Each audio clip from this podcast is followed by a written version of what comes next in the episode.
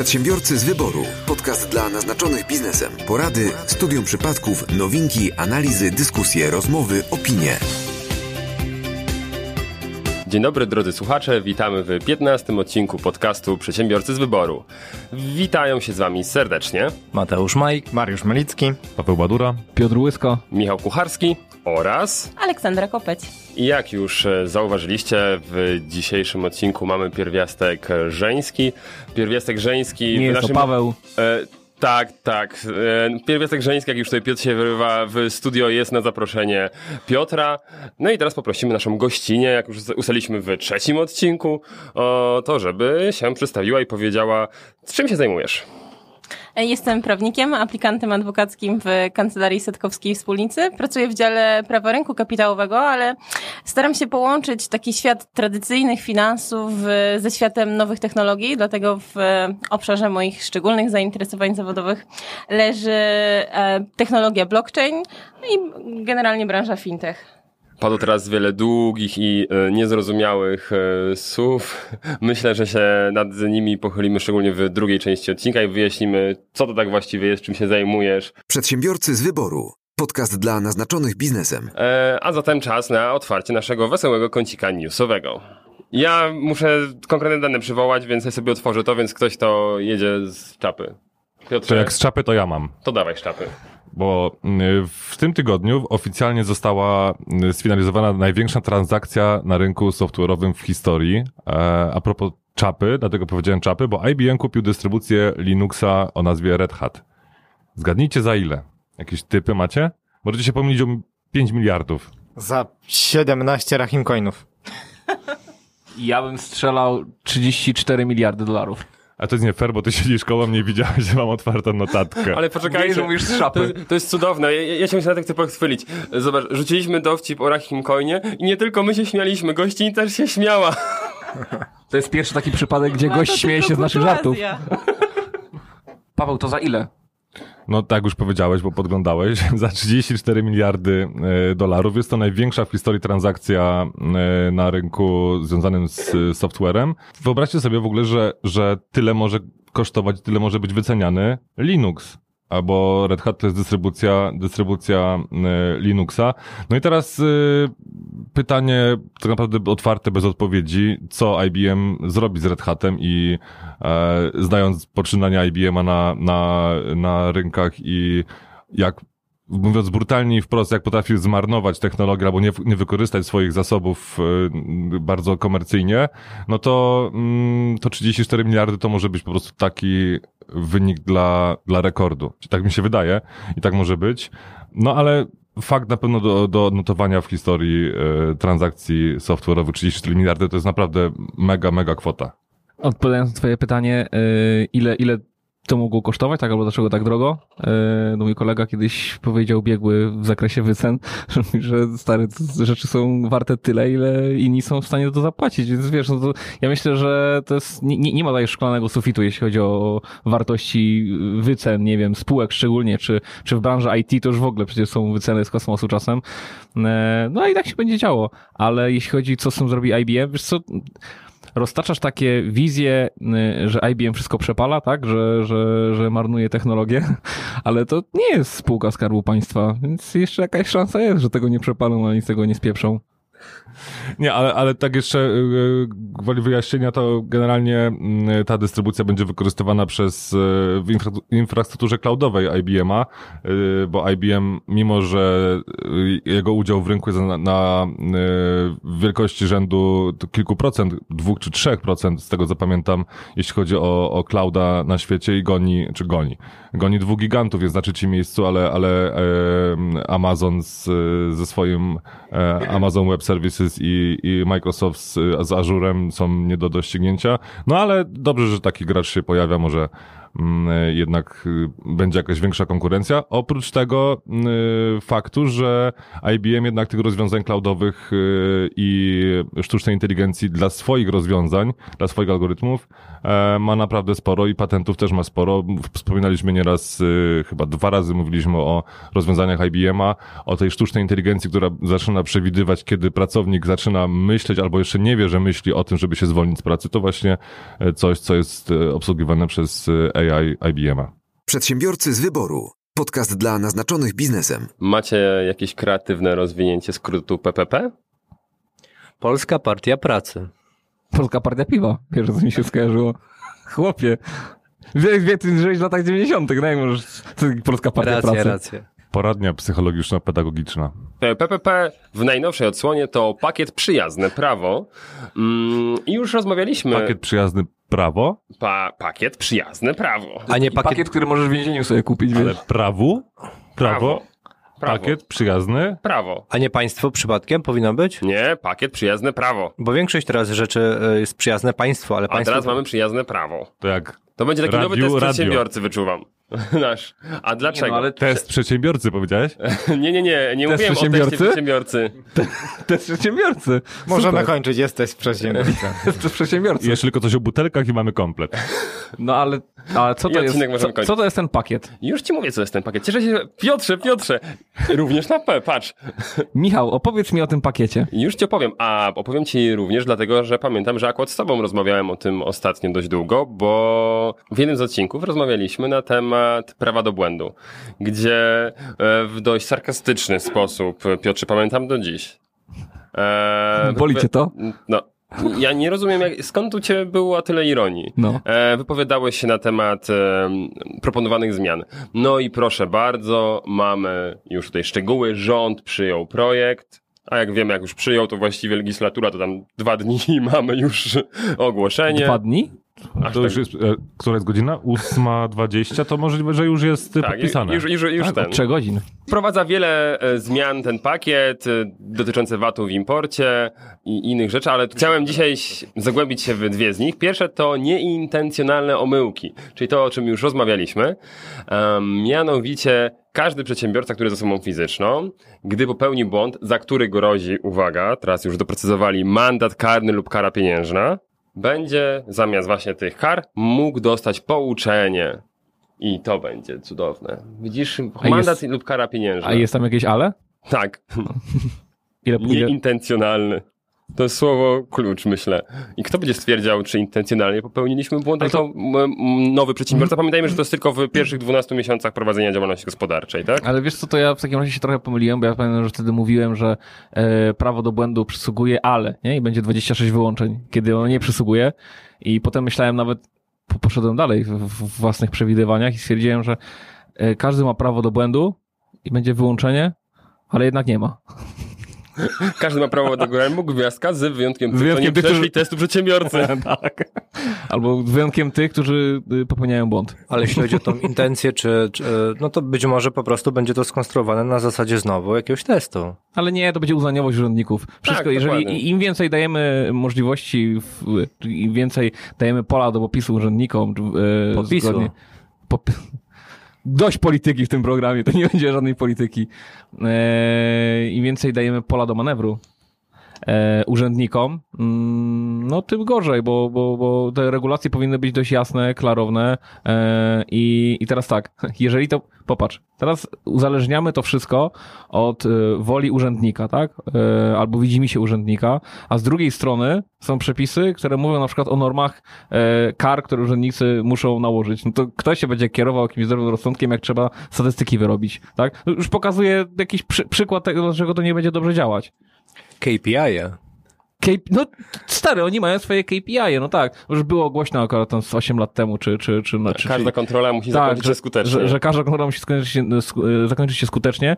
I pamiętam wtedy na Europejskim Kongresie Gospodarczym podczas panelu dyskusyjnego ktoś spytał wice- wiceministra finansów, no ale moment, że to jest tak irracjonalne, żeby każda kontrola kończyła się skutecznie, czyli nałożeniem kary, to jest bez sensu, a wiceminister ówczesny, nie, nie, nieistotne kto, powiedział, że ale będziemy kontrolować tylko y, osoby, które są winne. Nie, i tak wszyscy mm, Sims legit. To jest po prostu absolutnie, to wszystko dąży do tego, no naprawdę, to będzie kolejny krok do tego, że mimo, że te mechanizmy są, przecież nikt z ich z, o zdrowym zmyśle nie, e, nie, nie, nie skorzystał. Mówi o urzędnikach. No, a, każdy, a z drugiej strony każdy przedsiębiorca będzie liczył, że załapie się na tą ulgę, tak? Ulgę w cudzysłowie oczywiście. No, Nie, nie, to, to, to, po, powiedziałeś, że... to Seneda. Powiedziałeś coś o tym, żeby było to proste. No to ja na to let's go deeper. tak, więc e, dotyczyć to będzie tych, co prowadzą działalność e, po raz pierwszy. Albo ponownie po upływie co najmniej 36 miesięcy od dnia ostatniego zawieszenia lub zakończenia działalności. A Czyli co 3 nie, lata? Myślę, że nie przeczytałeś tam wszystkiego, bo tam na pewno dalszy punkt jest, na przykład mają imię na M, Nie, nie, potem nie. trzecia litera nazwiska to Y, nie? I Nie, stary, ale bo to zaraz, zaraz dojdzie, co? Co 3 lata, jeśli będziesz zamykał swoją działalność albo ją zawieszał, masz znowu prawo do błędu. No, no, No to, to...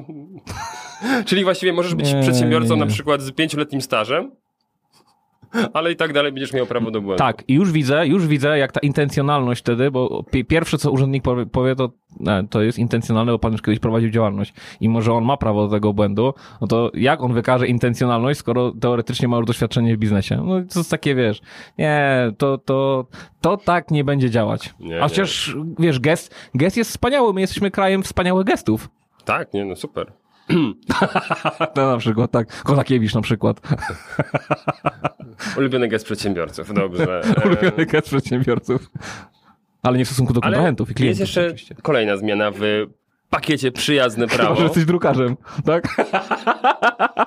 Przedsiębiorcy z wyboru. Podcast dla naznaczonych biznesem. Jest jeszcze kolejna zmiana No. w pakiecie przyjazne prawo, a dotyczy ochrony konsumenckiej. O, no, a co, a co tam, co tam w trawie piszczy? E, bo zidentyfikujmy sobie stan obecny. Dzisiaj, jeśli przedsiębiorca kupuje coś na fakturę, to nie podlega to ochronie konsumenckiej w taki sposób, jak normalna osoba fizyczna. Dokładnie tak. Dokładnie tak. A tutaj będzie troszkę inaczej.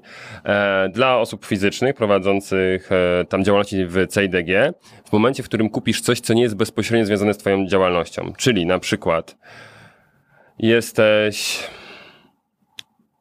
Masz, masz sklep warzywny, tak? Warzywniak. I kupisz sobie drukarkę. No bo czasami ją wykorzystujesz, ale no nie jest to klucz Mhm. Twojej działalności.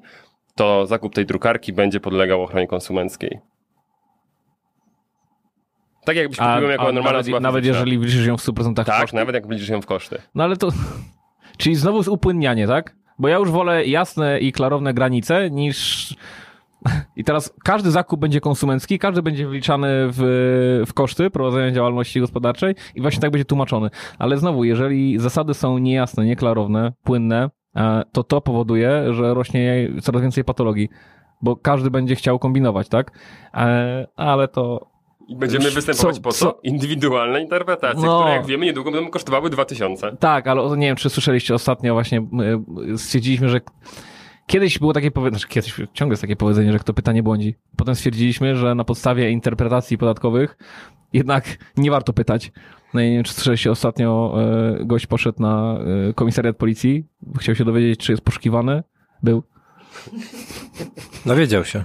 Dowiedział się. Także wiecie, no a z interpretacjami będzie podobnie, bo e, no, już teraz, tak, widzimy, że te interpretacje zaczynają być coraz mniej pozytywne. Tak? Czyli ludzie, lu- ludzie siłą rzeczy zaraz zaczną coraz mniej pytać, bo dostają złe odpowiedzi. Nie, to, to, to, ale to naprawdę co, mam wrażenie, że co odcinek rozmawiamy o tym samym, jeszcze może nie o tym samym tematycznie, ale, ale narzekamy na te same mechanizmy. Trochę, wie, trochę więcej pozytywu, uśmiechnijmy nie, się. Nie, nie narzekajmy po prostu. Nie narzekajmy. Albo nie, i słyszałem jakiś, jakiś psycholog kiedyś wypowiadał, że e, jak ktoś na coś narzeka, to trzeba to zmienić narzekanie na szansę. Może to jest szansa. Nie wiem jeszcze na co. Na pewno ale- psycholog, nie coach? Nie myl tych pojęć. Nie, no ja nie słucham coachów. No, bo- albo ten coach był psychologiem. To może był Rahim. I To sypnął coinami. Ale miliony, miliony złotych coinów. Ale nie, nie, to nie był Rahim. Nie był Rahim. To był ktoś inny. Nie, nie pamiętam kto, ale, ale, ale, no dobra, nieważne. Ale potem poszedł na policję, zgłosił się. Zgłosił się i jest- poszedł siedzieć, dokładnie, to był, to był on. Nie, ale słuchajcie, no może, może zacznijmy szukać pozytywów takich rozwiązań. Nie wiem jeszcze, jakie one mogłyby być, ale muszą jakieś. Mamy o czym gadać. O, E, Okej, czyli jak co, kupię laptopa w sklepie, to od razu będzie on zakwalifikowany jako firmowy? Nie, jeśli weźmiesz go na fakturę, bo to chodzi o to, że osoby fizyczne Mhm. e, podlegają troszkę innym przepisom, tak? Tam No tak. e, patrzę na naszych prawników, chodzi o prawo do reklamacji Tak, tak. i tak dalej, i tak dalej. Czy w ogóle prawo... Często masz na przykład na sprzęcie, że gwiazdkę, że jeśli coś kupujesz na fakturę, no to na przykład masz krótszą gwarancję. Rok zwykle. Tak, tak, tak. A tutaj chodzi o to, że jeśli to nie jest no akurat laptop u ciebie do działalności myślę, że ciężko byłoby wybronić, ale no, jakieś urządzenie, które już nie jest e, peryferyjne, tak, które już nie jest klucz tej działalności, no to w tym momencie by e, mogło pod to podać. No, ta, ta, ta drukarka u ciebie jak najbardziej, tak, bo ty korzystasz z drukarni, a, a, a nie drukujesz po tysiąc stron u siebie w domu, prawda? Mm, więc to jest dobry przykład u ciebie. Normalnie nie aktualnie- podlegałaby, a Aktualnie przepisy, yy, bo wyjaśnijmy kilka rzeczy. Rękojmia to jest y, uprawnienie ustawowe, a gwarancja y, umowne, tak, które, które daje producent.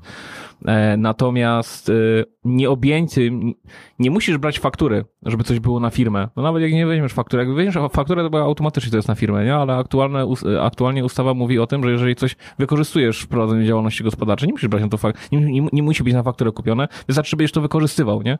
W działalności gospodarczej, tak będzie to spora zmiana A, nastąpi. I wtedy normalnie rozliczam VAT i wszystko? Mhm. Aha, no to super. Znaczy nie no, no, jak nie weźmiesz faktury, no to nie rozliczysz VAT-u, no bo to jest A, bardziej no techni- właśnie. techniczny mankament, ale ja mówię, bo to mówimy teraz o technikaliach, a ja mówiłem tylko o tej sferze prawnej, Mhm. nie? Okej. Ja nie rozumiem. ja nie, Okej, na, dalej.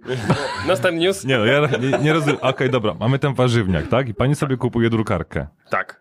Bo Albo nie jest pan. jej ona potrzebna tak bezpośrednio do prowadzenia tego warzywniaka, tak? Ale warzywniaka nie, ale, Ale jak może wystawia, jako ale, ale przedsiębiorca w fakturę. koszty, no bo raz na jakiś czas skorzysta, tak? No tak czasami jest.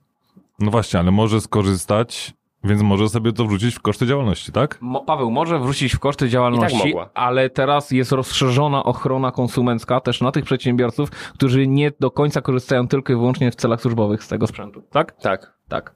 Czy to jest taki otwarty, legalny wałek? Nie, Nie, to jest wałek- otwarta, legalna ochrona. tak, szersza. Nie. E, Bo, bo to, co ty rozumiesz jako wałek, Potato, czyli że potato. kupujemy rzeczy na, w, w koszta firmowe, z których również korzystasz nie jest wałek, czasami. No, nie, nie, wałek? no, Czemu? To, czemu? nie wiem czemu. No nie, no dobra, ale no to jak do tej pory nie było, to jak, jak mam udowodnić, że ten laptop akurat nie jest wykorzystywany... A może ja sobie kupię drugi laptop Ale stary, i on no, będzie... No to, no to, to będziesz, to, to o czym ty mówisz, to w postępowaniu wyjaśniającym, jak ci ktoś zarzuci, że wrzuciłeś to w koszt, to nie powinieneś. To o czym ty teraz mówisz. A teraz właśnie już nie będzie takiej sytuacji, nie musisz nic udowadniać. Nie no, ale dobra, do, ale który laptop w takim razie, ten, który częściej używam, będzie miał 12 miesięcy gwarancji, a ten, który rzadziej używam, będzie miał 24 miesiące no, gwarancji? Jak, jak się teraz przepisy zmienią, to będziesz miał większą gwarancję, będziesz konsumentem, rozumiesz? To jest tro- inaczej. Masz agencję reklamową, tak? No. E, drukarki u ciebie nie, podlegną, nie podlegają pod to prawo, bo walisz co chwilę jakieś ulot kasy. Komputery nie podlegają, bo walisz No dobra, ulot jak kasy, mam- mam- ale wkrętarkę kupisz, bo raz potrzebowałeś e, klientowi coś przykręcić, to już pod to podlega. Bo użyłeś jej do działalności, Tak ale właściwie no, bo była twoim No kosztem. dobra, ale, ale... drukarka już jest od razu spisana na straty, że zawsze będzie wpisana Co? na 12... Drukarka zawsze Pewnie będzie? Nie, Nie. zależy czy drukujesz czy nie, tak jak na przykład, ty, ty na przykład masz agencję marketingową, więc drukujesz... Nie no, mam drukarki. no to, no to, super, ale, to masz sytuację okej. jak Mate, Mateusz, to jak Tak. Mateusz, czyli kup, jeżeli kupisz drukarkę, to będziesz miał rozszerzoną ochronę, bo nie drukujesz. Wykażesz, że wszystko zlecasz drukowi zewnętrznemu. No tak. No to, no to nie ma problemu. A jak No to ma- okazjonalnie drukuje? No i to jest ta, ta, ta płynność, która sprawi, że trudno będzie wykazać, tak? Szczególnie w takich działalnościach, które... Czyli, ale mówisz, że to jest kuszące, tak? No jest kusza. To nie wolno. To nie wolno, jak to jest kuszące, to nie wolno. W przypadku takich e, że działalności nie wiesz. na granicy, no to to będzie właśnie do wyjaśnienia, ale no umówmy się, że szef czy warzywniak, no to ta drukarka to tam nie jest klucz tej działalności, tak? Dlatego to było pokazane na takim hardkorowym Inaczej, przykładzie. spytajmy, po, po, poczekajcie. Olu, czy ty y, rozumiesz? Generalnie wydaje mi się, że to najłatwiej sobie wyjaśnić w taki sposób, że zastanawiamy się, jakie 10 rzeczy jest mi absolutnie niezbędnych do prowadzenia mojej działalności, bez czego mój biznes nie ruszy. Wszystkie pozostałe rzeczy, które się nie wliczają do tej puli takiej absolutnie fundamentalnej, podstawowej, mogę korzystać z tej rozszerzonej ochrony. To jest ba- bardzo mądre podejście, to jest bardzo dobre podejście, systemowe. Yy, I ja absolutnie polecam, tylko że nie chciałbym, żeby też wszyscy traktowali to, że dobra, 10 rzeczy, ha, to 11 już może być taka i taka. Nie, ale to jest dobry system, tak. Yy, Zastan- trzeba się zastanowić dokładnie, jakie są, jakie no na pewno jest jakaś grupa rzeczy, yy, urządzeń, którą potrzebujecie na 100% do prowadzenia działalności, a resztę Już patrzysz, no już widzę, że teraz czekasz, czy powiem na 90%, czy na 80%, czy 75%. Nie, powiem tak, mniej niż 100, ale więcej niż 20. Jest okej? Łapiesz? 33. Tak! Brawo, mnie. Brawo, ty chyba zdawałeś maturę z matematyki. Pokolorowałeś drwala dobrze. Ja, jak Ola w końcu nam wytłumaczyła, to myślę, że już wszyscy zrozumieli. Ale bo- tak, tak, naprawdę. E, Jak dobrze Widzisz, mieć, dobrze to jest ta różnica który- między merytoryką a tobą, ale to przejdźmy sobie dalej. Ale O, Ola, ty jesteś adwokatem? Jeszcze nie jestem adwokatem, jestem aplikantem adwokackim. A, okej, no bo wiesz, bo to przynajmniej mam aplikanta adwokackiego i radcę prawnego, no to od razu jak widać, że adwokat się przyszły wypowie, to wiadomo, że wszystko, wszystko już staje się jaśniejsze. No, tutaj, mam mikrowylew. No tutaj wchodzimy w taki bardzo grząski grunt. To, to nie jest grząski grunt. żarty, Słuchajcie, jak to, się, tak. jak to się mówi, chodzenie, chodzenie po bagnach wciąga. O tak, bo żarty pomiędzy adwokatami, radcami prawnymi to, To nie jak, są żarty, to jest prawda i jesteśmy lepsi. kibice Realu Madryt i, i Barcelony. my to ciągniemy już 14 odcinek. A, no to... Jesteśmy tego świadomi. 15. Naszych praw i obowiązków. Ale żebyśmy to wyjaśnili naszym milionom słuchaczy, e, to się wzięło słuchaczy, tak? kiedyś stąd, ja, ja bym nie miał tej świadomości, a mi kiedyś Piotr uświadomił, jak występował w jakiejś e, telewizji i Na żywo. Po, na żywo i go podpisali Piotr był- Łysko, radca prawny najgorsze- I, i mówił, że umarła wtedy część... Najgo- tak, najgorsze było to, że pamiętam, to był live dla, dla TVP Info. yy, A, to nie, to wszystko jasne. Nie wszystko Tam jasne. różnie TV podpisują ludzi. Czasami wiesz, masz jednego człowieka, a dziesięciu ekspertów. Także Tak, raz byłem weterynarzem, tak.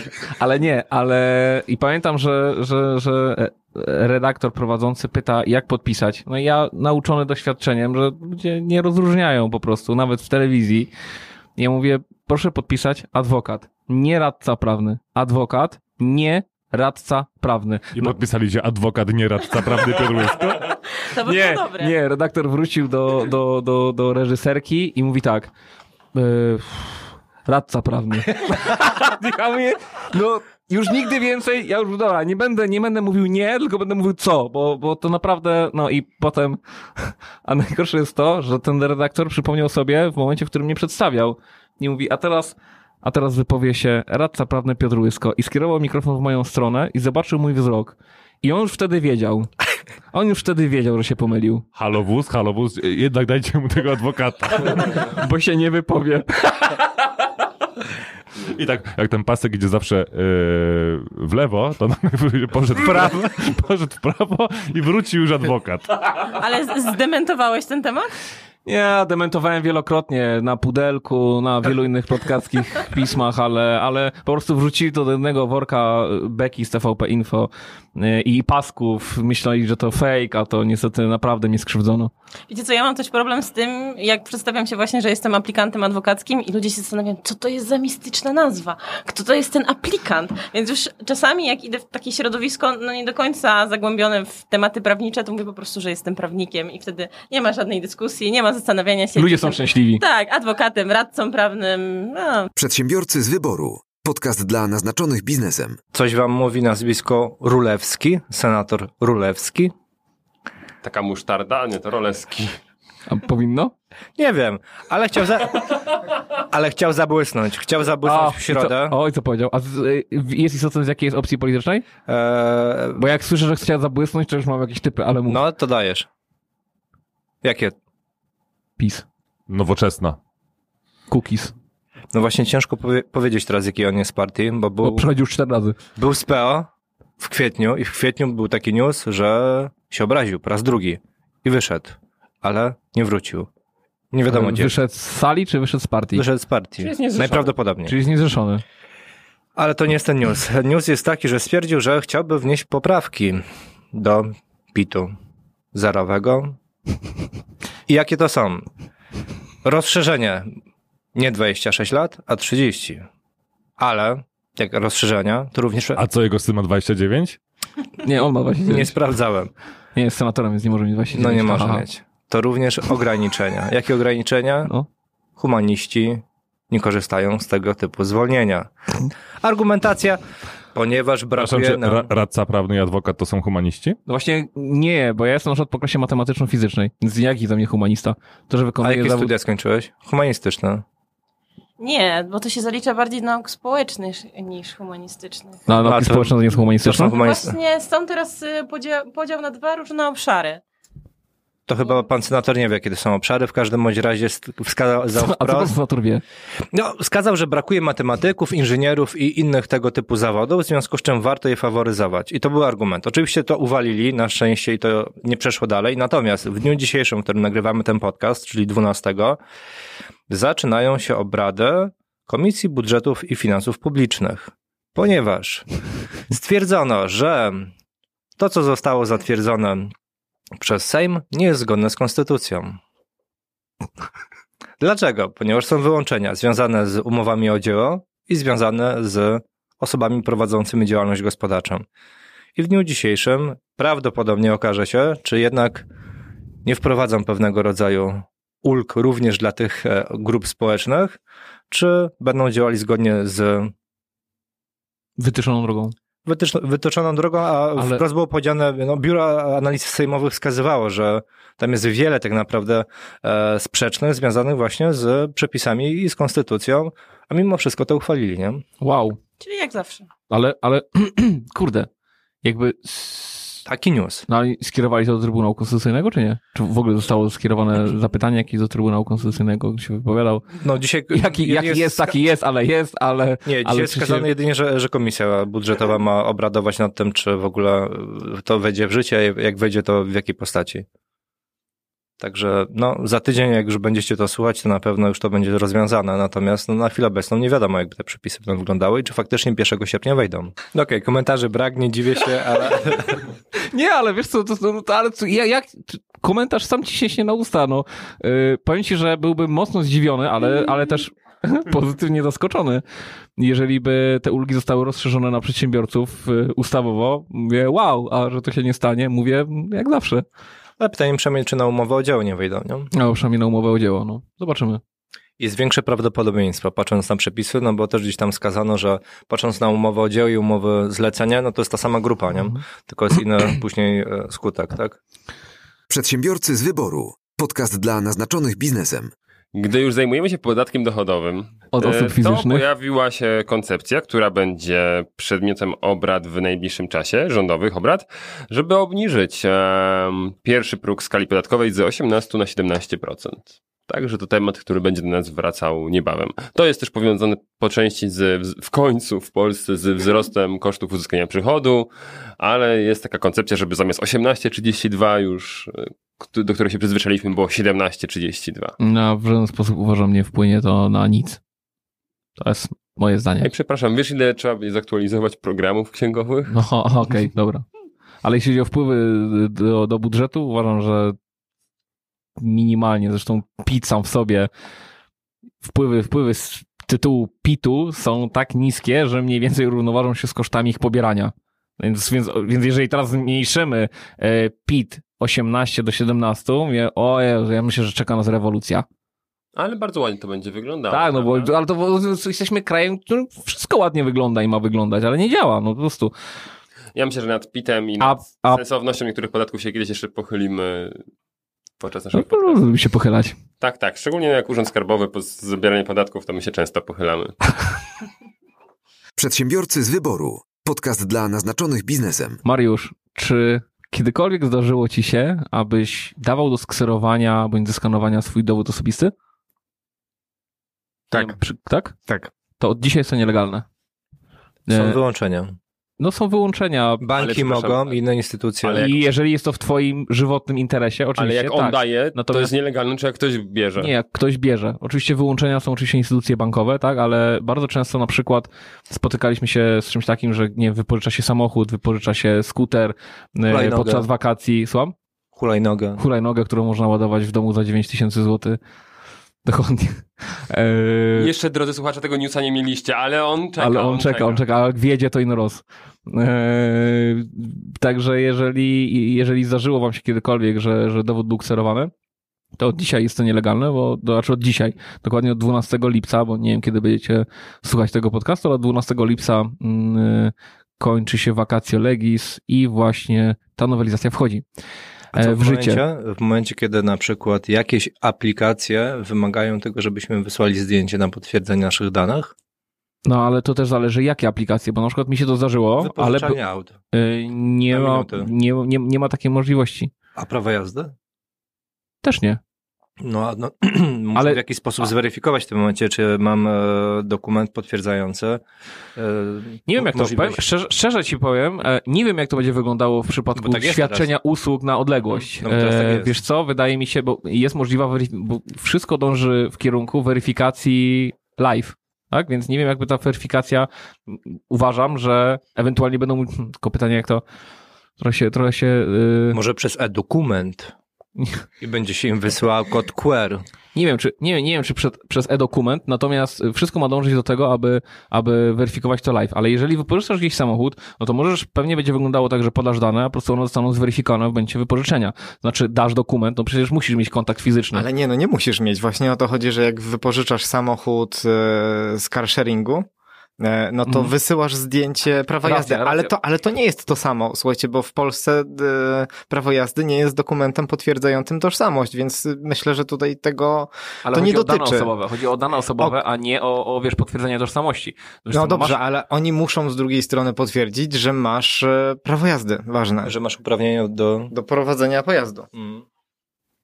No i widzisz, To jest- i przepis z jednej strony super, ale z drugiej strony nie jest jakby e, przystosowany do aktualnej rzeczywistości. To jest normalne chyba. Wiesz co? E, nie, niekoniecznie, bo... Myśleli e, o tym, że a, jadę nad jeziora, wypożyczam kajaki tam. Tak, tego typu były przykłady. No kurde, kiedy to było, tak? Poczekaj, po, bo, bo to jest. Po, e, pociągnijmy dalej ten temat e, i w kolejnym odcinku skupmy się na wyłączeniach. Bo znaczy, faktycznie, czy to oznacza, że z dniem praktycznie 12 lipca przestanie, nie będzie możliwości carsharingu Polsce? No uważam, że nie. No więc teraz tak, nie jest to instytucja bankowa, a wiem, że dla takich instytucji bankowych y, zostało, no tylko, że tak, z drugiej strony jest to w twoim żywotnym interesie, tak? Sam się na to zgadzasz i tobie zależy na tym, żeby ten samochód, więc pytanie, czy to nie podlega pod tą drugą przesłankę, no bo tak, nie chcesz, no to nie. Tylko chciałem tak zasugerować wszystkim i podać takiego tipa, że jeśli kiedykolwiek ktoś wam skseruje jakikolwiek dokument tożsamości, to macie prawo w obrębie tego ym, wydruku, tego ksero, tego obrazka w formie cyfrowej nanieść informację, na jakie potrzeby i kiedy zostało wykonane to zdjęcie lub to ksero. I po polecam, bo kilka razy słyszałem już, że to uratowało y, próbę wyłudzenia e, skanu dowodu osobistego. Czyli nie wiem, jesteśmy w banku, potrzebujemy założyć konto, ktoś nam kseruje dowód i w tym momencie prosimy o to, żeby nanieść z naszym podpisem lub nie informację trwałą e, na tą kartkę albo na ten obrazek cyfrowy, e, że mm, jest to do wykorzystania tylko i wyłącznie przez ten bank w tym i w tym dniu na potrzeby na przykład założenia konta. Wiecie co, ale to, to, to jest jakby jedna rzecz, bo mówisz o banku na przykład, e, natomiast nadal bardzo często jest tak, że mm, proszą nas, nie wiem, w hotelach na przykład, e, żeby zostawić dowód osobisty. I tutaj e, o- odnoszę się do tego, co Paweł powiedziałeś e, o hasłach w poprzednim odcinku. Tak samo, nigdy nie zostawiajcie dowodu osobistego na recepcji, czy, czy właśnie, nie wiem, wypożyczając jakiś sprzęt, e, tego nie mają prawa robić od bardzo dawna. Mogą sobie e, spisać przy was jakieś dane, ale absolutnie nie mogą ani kopiować tych dokumentów, ani nie mogą sobie ich zostawiać. Tak, teraz nawet będzie sankcja do dwóch lat pozbawienia wolności za, y, maksymalnie oczywiście, do, za, za kserowanie dowodu osobistego. To miałem abstrakcję taką w chyba Lub- Lublinie albo w Białymstoku, już nie pamiętam, ale tam na, na wschodzie Polski pojechałem do hotelu. Oczywiście poprosili o dowód osobisty, tylko żeby sprawdzić, czy, czy i potwierdzić moją to- tożsamość, ale co chcieli mi skserować? Moją kartę kredytową. I co najlepsze, z dwóch stron. I jeszcze tak patrzę, co ta pani robi, bierze kartę i tak zaczyna. Mówię, halo, stop. Mówię, ale o co chodzi? No bo mam takie procedury. Ja mówię, proszę mi oddać tą kartę. No to ja panu nie, nie jestem w stanie pomóc to, jeśli chodzi o, o e, rezerwację. Mówię, to proszę z kierownikiem czy z dyrektorem hotelu, jakkolwiek. No i oczywiście odstąpili od tego typu działań, natomiast pytanie, ile takich kser już e, numerów e, z dwóch stron tak naprawdę mają, no bo w tym momencie to tak samo, ja już tej pani tłumaczyłem, to tak samo jakby mi pani dała kartę, e, nie wiem, do bankomatu i podała PIN, tak? A to ja nie wiedziałem, że to tak działa, nie? jeden update. Kopiowanie dokumentów znamy również z firm telekomunikacyjnych czy wypożyczających samochody. Okazuje się, że nadal będą mogły to robić, z tym, że ich kopie dokumentów osobistych nie będą mogły być replikami. Ale jak nie będą mogły być? E, Kto to zagwarantuje, że nie będą mogły być? A co inne mogły być? No ale, Kurde, ale Mateusz, no, rozwiązujemy problemy na bieżąco, tak? Pojawił się komentarz, staram się znaleźć... no e, rozumiem. I co? Ktoś powiedział, no, ale tutaj nie możecie tego kserować i nie możecie robić lewych dokumentów. Popatrz. Dlatego też firmy telekomunikacyjne stosują matryce do kopiowania dokumentów, jak te powyżej wykonaniu Play, czy No zachęcają tak, no do za, za, zamazywania wrażliwych, niepotrzebnych operatorowi danych, jak poniżej na przykład yy, Play tak robi, tak? Za replikę uznaje się kopię dokumentu wykonaną w skali od 75% do 120% oryginału. Tak więc restrykcji związanych z kopiowaniem dokumentów będzie można uniknąć również w przypadku, gdy wykonamy kopię dwukrotnie większą od oryginału. Dalej tego nie rozumiem. No. Czyli to Jeżeli- nie, nie będzie można później Możesz, zdjęcia nie, skalować? nie, popełnia, nie popełnia e, czynu zabronionego ktoś, kto zrobi kopię dwukrotnie większą niż dowód osobisty. Bardzo praktyczne, bardzo no no, ale no- praktyczne. Photoshop stary i ten, no. Kupujcie drukarki A3. I polski rap płyty. Przedsiębiorcy z wyboru. Podcast dla naznaczonych biznesem. Ciekawy news. Allegro wygrało z Urzędem Skarbowym. Eee, To, o czym kiedyś mówiliśmy, o tematach związanych z proszeniem o różnego rodzaju interpretacje. No i Allegro stwierdziło, że o taką interpretację do Urzędu Skarbowego się zgłosi. Z pytaniem, czy w momencie, kiedy wysyłają różnego rodzaju kupony do swoich e, użytkowników na kwotę 20, 50 czy 200 złotych, muszą, musi e, użytkownik, który otrzyma taki kupon, e, zgłosić to do Urzędu Skarbowego jako jego przychód. Oczywiście Urząd Skarbowy wskazał, że tak. A Allegro wskazało, że się z tą interpretacją nie zgadza. No i od razu stwierdzili, że e, idą wyżej, poszli do Wojewódzkiego Sądu Administracyjnego, który oczywiście orzekł, że Allegro ma rację, Urząd Skarbowy nie powinien w ten sposób e, naliczać dodatkowych podatków, które e, podatnicy powinni gdzieś tam określać w swoim picie. Urząd Skarbowy znowu się nie zgodził z, tą, z tym faktem, stwierdził, że idzie do Naczelnego Sądu Administracyjnego i co? I znowu nie miał racji. Przykro nam, Urzędzie Skarbowym. Te podatki nie wpłyną do ciebie. Allegro w tym przypadku wygrało i rabaty spokojnie możecie, z, możecie z nich korzystać. Ale dla, dlaczego o tym mówię? Największa paranoja była taka, że Urząd Skarbowy wskazał, że nawet jeżeli nie wykorzystaliście tego e, kuponu rabatowego, to już jest to wasz przychód i powinniście od tego również odprowadzić podatek. E, Mateusz, ja ci właśnie daję rabat 70% na moje usługi. Ale cię uwaliłem. Ja nic nie, z tego nie będę miał, ale przynajmniej tobie dowalę podatkiem. A Dzięki. że wiesz, moje usługi milion, to po, po, powodzenia w, w obliczaniu tego podatku i, tutaj odprowadzaniu. Twoja polskość się uruchomiła. No dokładnie, nie? ale no to jest dokładnie coś w tym stylu, prawda? No damy, po, porozdaję troszkę rabacików. Rabaciki, rabaciki i niech teraz płacą płac od tego podatek. No to do tego się sprowadza. Okej, no czyli jeżeli, jakby reasumując, jeżeli czujemy, że ta interpretacja, którą Urząd Skarbowy wydał jest naszym zdaniem myląca, warto od niej się również odwołać. Ale o tym kiedyś Piotrze ty mówiłeś, prawda? Że y, warto chodzić z urzędem skarbowym do sądu, bo to się częściej wygrywa niż Jeżeli nie. masz przeświadczenie, że masz rację. to wiesz, Oni chyba jak mieli. będziemy, jak będziemy za każdym razem wszystkim mówić jasno, idźcie do sądu. Nie, no ale chodzi o to, że przedsiębiorcę, który 50 miał spór i uważał, 50 że nie miał mniej racji. więcej, mniej więcej 50% ludzi, którzy y, się odwołują, mają rację, a teraz pomyślmy, ile osób się nie odwołuje. Bo mówi, machnie ręką, a nie chce mi się. Przedsiębiorcy z wyboru. Podcast dla naznaczonych biznesem. Słuchajcie, może za, zanim przejdziemy do gościa,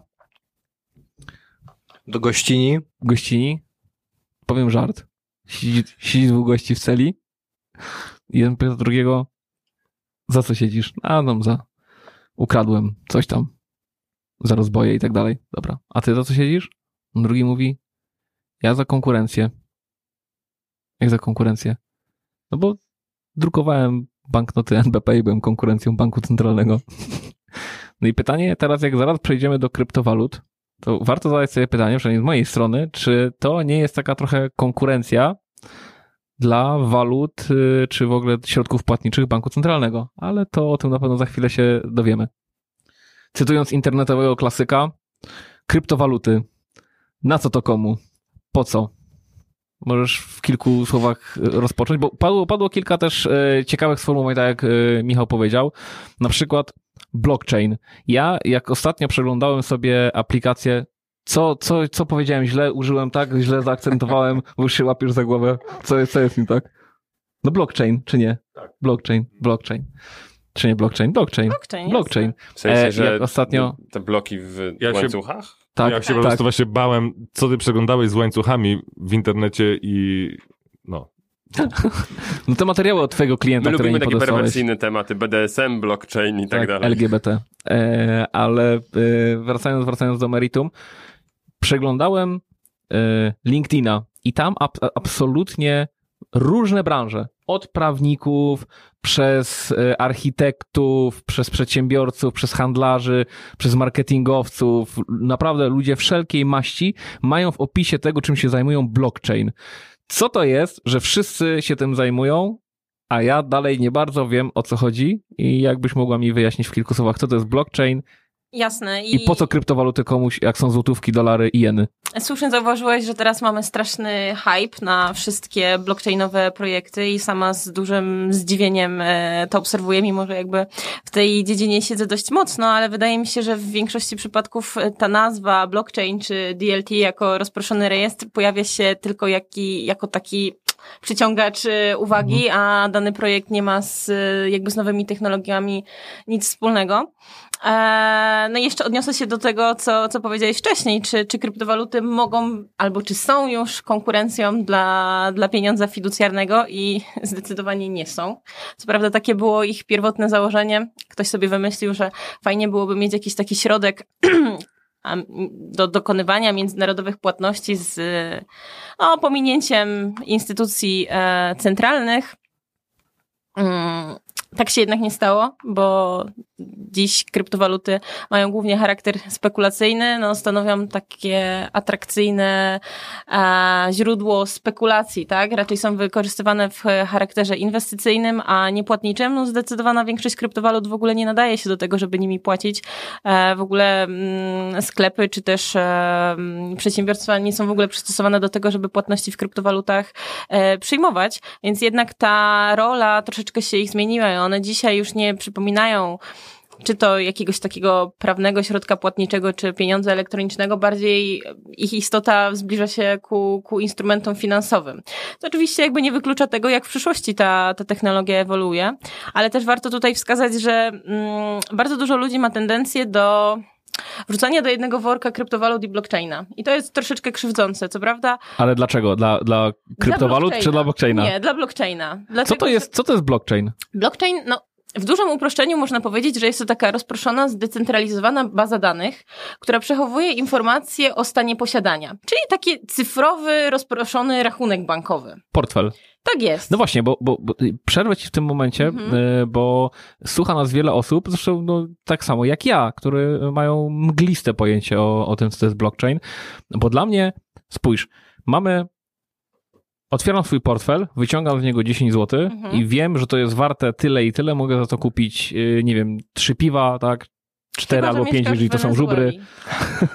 E, I, i znam, i znam jego wartość, tak, wiadomo, inflacja inflacją, ale, ale już nie, nie wchodźmy w takie, w takie szczegóły. Natomiast ja mogę tego dotknąć, tak? Mhm. Mogę to wymienić na coś. A gdzie przechowywane są bitcoiny? Czy to są faktycznie jak coin, że są takie monetki gdzieś złote, czy są jakieś portfele? Gdzie, jak, jaką to ma formę? Bo jeżeli to ma formę tylko i wyłącznie y, internetową, jeżeli Mhm. w, jak, jakąś wirtualną, no to, to pytanie, co jeżeli to z dnia na dzień zniknie? Albo czy może zniknąć? Jakie są mechanizmy? Bo, Jasne. bo, w- i, trudno ja tutaj w naszym, w ramach naszego podcastu jestem tradycjonalistą, e, więc dla mnie e, to jest takie nowum, że po prostu tego nie rozumiem. Jeżeli ktoś czegoś nie rozumie, to albo się tego boi, albo to neguje, albo nie chce, nie chce się o tym nic dowiedzieć, albo się właśnie dowiaduje. Więc pytam, gdzie ja mogę wypłacić te bitcoiny, gdzie ja mogę y, moją podłóżko schować te bitcoiny, Pod które materac. posiadam, pod materac, dokładnie. Pod materacem trzymam bitcoina Dobrze, że nie masz pieniędzy, bo wydałeś wszystko na ciuchy U mnie spokojnie, powoli do przodu, u ciebie wahania jak kryptowaluty Znaczy, żadna z kryptowalut nie ma swojego materialnego odpowiednika, bo to w ogóle było zaprzeczenie jej idei. W ogóle, co do zasady, kryptowaluta nie jest też powiązana z żadnym emitentem centralnym, czyli mamy jakąś określoną pulę kryptowalut i ich nie da się dodrukować, e, wydać jakąś kolejną pulę tych kryptowalut, co teoretycznie pozwalałoby uniknąć tutaj problemu e, inflacji, tak? No wiemy jednak, że kurs kryptowalut znacznie fluktuuje i to, to są wahania nie kilku procent, tylko czasami też kilkuset procent. No niemniej jednak e, z założenia ta kryptowaluta istnieje tylko w przestrzeni cyfrowej. Ale nie jest to znowu takie duże nowum, no bo tak samo mamy z pieniądzem na rachunku bankowym, tak? To, to też nie jest e, jakiś one nie są gdzieś fizycznie deponowane, tak, że to są Ale jest nasze bankomat. kom- Tak. W bankomacie wkładam kartę, wyciągam pieniądze. I masz też ściana, ściana, bitomat, ściana- z którego wyciągasz kryptowaluty przemienione na pieniądz fiducjarny. no to y, okej. A powiedziałeś, że jest określona liczba kryptowalut, tak? Nie, y, inaczej. Kryp- każdy może stworzyć kryptowalutę. Ja sobie mogę jutro stworzyć Alex Coina i mm, no, sz- większość kryptowalut jest e, tworzona na, na platformie Ethereum jako token ERC20. To jest bardzo standardowa jakby Ja specyfikacja. myślę, że na chwilę przeniesiemy się do Gwiezdnych Wojen, ale ja bym chciał wrócić do... Ja, ja mam wrażenie, że co najmniej trzy razy nas obraziłaś teraz w tym zdaniu. Tak, tak, ja, O, trzy jak nie cztery. bardzo, Ja jestem bardzo R2D2 tam też przejechał po drodze, ale, ale, ale... Tłumaczmy to, tłumaczmy. bo- Tłumacz, tłumaczmy. Dobrze, tak. Tłumacz, tu, it's a too much, too much. Tłumacz, będę tłumaczyć, tak. E, ale zgubiłam wątek, nie wiem o czym mówiłam. O kryptowalutach. Aha, tak. o, dzięki. O tym, że y, też są fizyczne, mogą być, że mogą być Nie. wypłacone. Tak, ale to, co Piotr jeszcze mówił, że możesz iść do bankomatu, ale ja czytałem, że nie wiem, 20 albo 30% y, wartości pieniądza takiego normalnego, w Mhm. cudzysłowie, e, jest fizyczna, a 70% jest na kontach, po prostu gdzieś tam wirtualnie też, tak? Tak, tak, tak. No na przykład w krajach skandynawskich ta proporcja w ogóle się y, jeszcze bardziej mm, rozmywa, dlatego że e, tam tylko 2% środków rzeczywiście występuje w gotówce, natomiast resztę ludzie używają pieniądza no, takiego na, na karcie kredytowej czy na rachunku bankowym. I taką mamy też tendencję. Ja na przykład gotówki nie używam prawie w ogóle i zawsze wolę płacić kartą. Jest mi po prostu wygodniej. Wiadomo, że jak idę do jakiejś małej piekarni, no to muszę mieć tę tę gotówkę przygotowaną, ale jest to po prostu wygoda. Nieprawda. Ale słuchajcie, e, roz, rozróżnimy tylko dwie rzeczy, bo to, to, to warto wspomnieć, bo trosze, troszeczkę się pomieszały. Czym innym jest pieniądz elektroniczny, a czym innym jest e, e, kryptowaluta, czyli Tak. waluta I kryptograficzna. czym tak? innym jest też pieniądz na rachunku bankowym, bo pieniądz na rachunku bankowym to nie jest pieniądz elektroniczny, mimo że dużo Dokładnie. ludzi utożsamia te dwa pojęcia. To powiedz mi, dobra, okej. Pytanie, pytanie w takim razie tak. Po co? Po co kryptowaluta? Co, kryptowaluty powstały w 2009 roku jako odpowiedź na krach na amerykańskim rynku i były no, pewnego rodzaju alternatywą dla takiego tradycyjnego systemu finansowego. Alternatywą do zwykłego systemu finansowego jest złoto. jest. I Jest namacalne. dokładnie. Jest więc ograniczona jego ilość. Jak To jak porównasz złoto do, do bitcoinów? Kryptowaluta to jest zdematerializowane złoto. Jak najbardziej takiego, nie boję się używać takiego stwierdzenia. Ja nie miałem chemii na takim poziomie fizyki, ale, ale jeżeli tak to działa, no to, Nie, e, to za- można zmaterializować je z powrotem. Tak, nie, rzeczywiście takie było założenie. Czyli stwórzmy jakiś kruszec, który będzie się dało zapisać przez przestrzeni cyfrowej. Taka jest idea.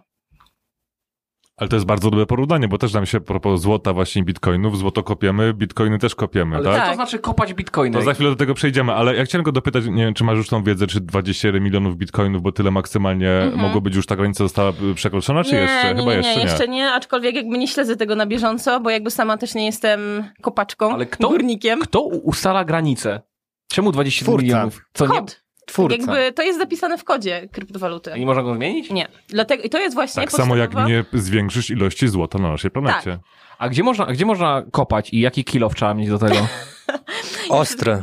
jakby podstawową zaletą blockchaina, czy jakby każdej, każdej kryptowaluty jest to, że jest odporna na wszelkiego rodzaju manipulacje, czy, czy przerobienia, podrobienia. Ale to jest manipulacja sama w sobie. Można to też tak ująć, tak. A czy takie, ta, inaczej, z takimi zarzutami e, często spotyka się bitcoin.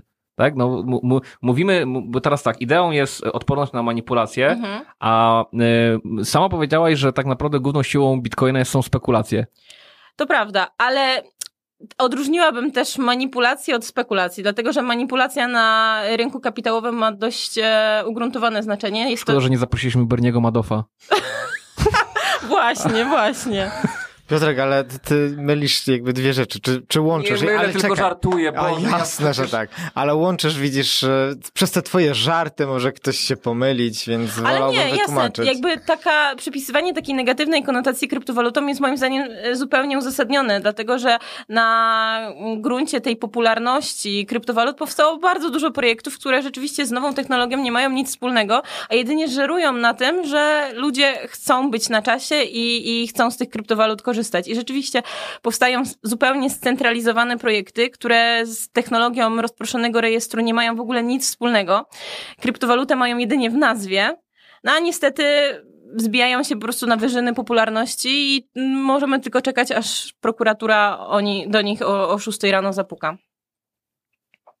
Ale, wiecie o co mi chodziło? Chodziło mi o spekulacje jakby kryptowalutami i e, modyfikowanie kryptowalut, tak? Czy, No bo właśnie. to, to chodzi o to, że dla, dlatego to jest właśnie oparte o blockchain.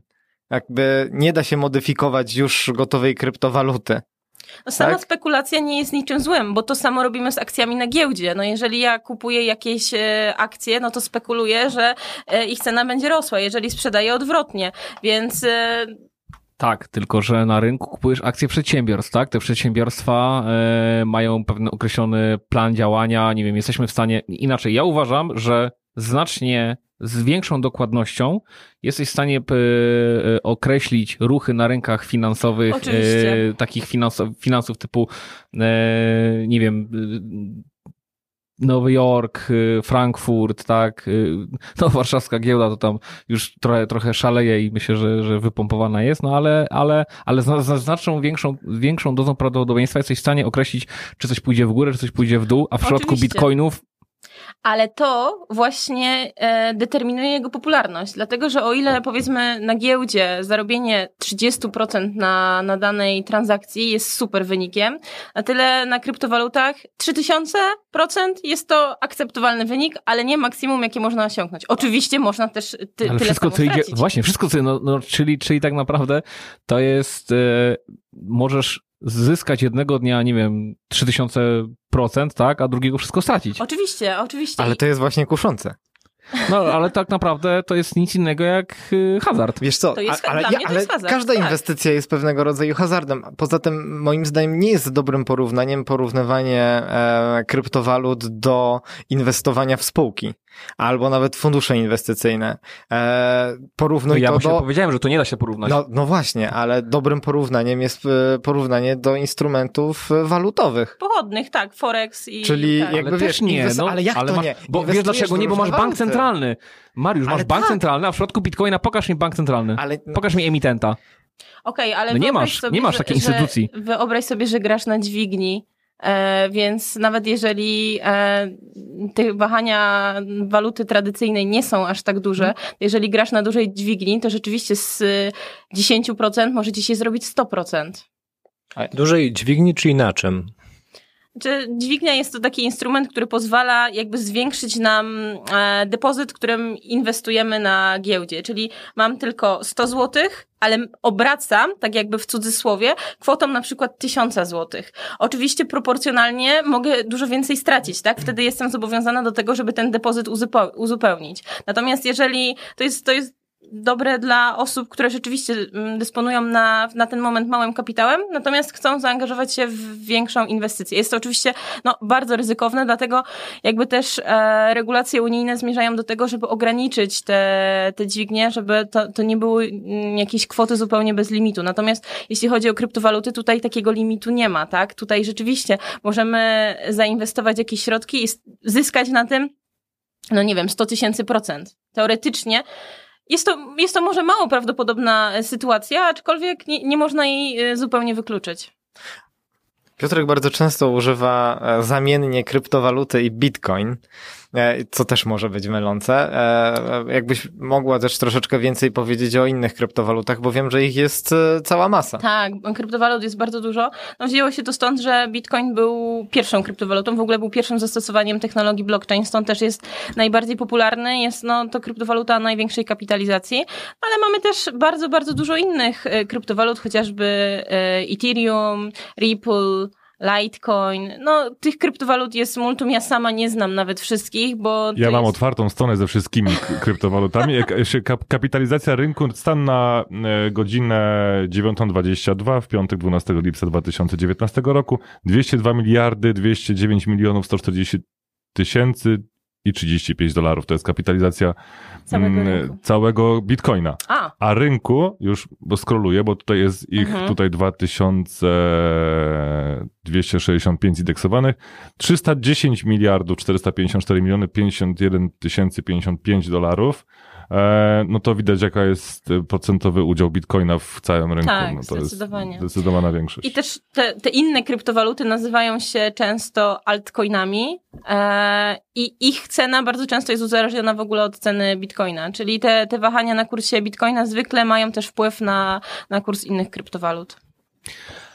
A jak się ma polskie prawo do kryptowalut? To znaczy, mm, jak Urząd Skarbowy albo, albo polskie organy skarbowe będą, y, po pierwsze, jak organy skarbowe będą podchodzić do osoby, która na przykład na Bitcoinie zarobiła 200 tysięcy w ciągu miesiąca czy tam dwóch, e, a z drugiej strony w jaki sposób na przykład Komisja Nadzoru Finansowego, bo wiem, że tam jakieś, jakieś przełomowe orzeczenia y, padały ostatnio, czy miały zapaść y, w przypadku, czy, czy Komisja Nadzoru Finansowego ma cokolwiek wspólnego z kryptowalutami, albo czy, bo pewnie chciałaby mieć, albo nie, czy... Właściwie Komisja Nadzoru Finansowego bardzo nie chciałaby mieć nic wspólnego z mieć. kryptowalutami i nastawienie naszego nadzorcy jest bardzo, bardzo ostrożnościowe.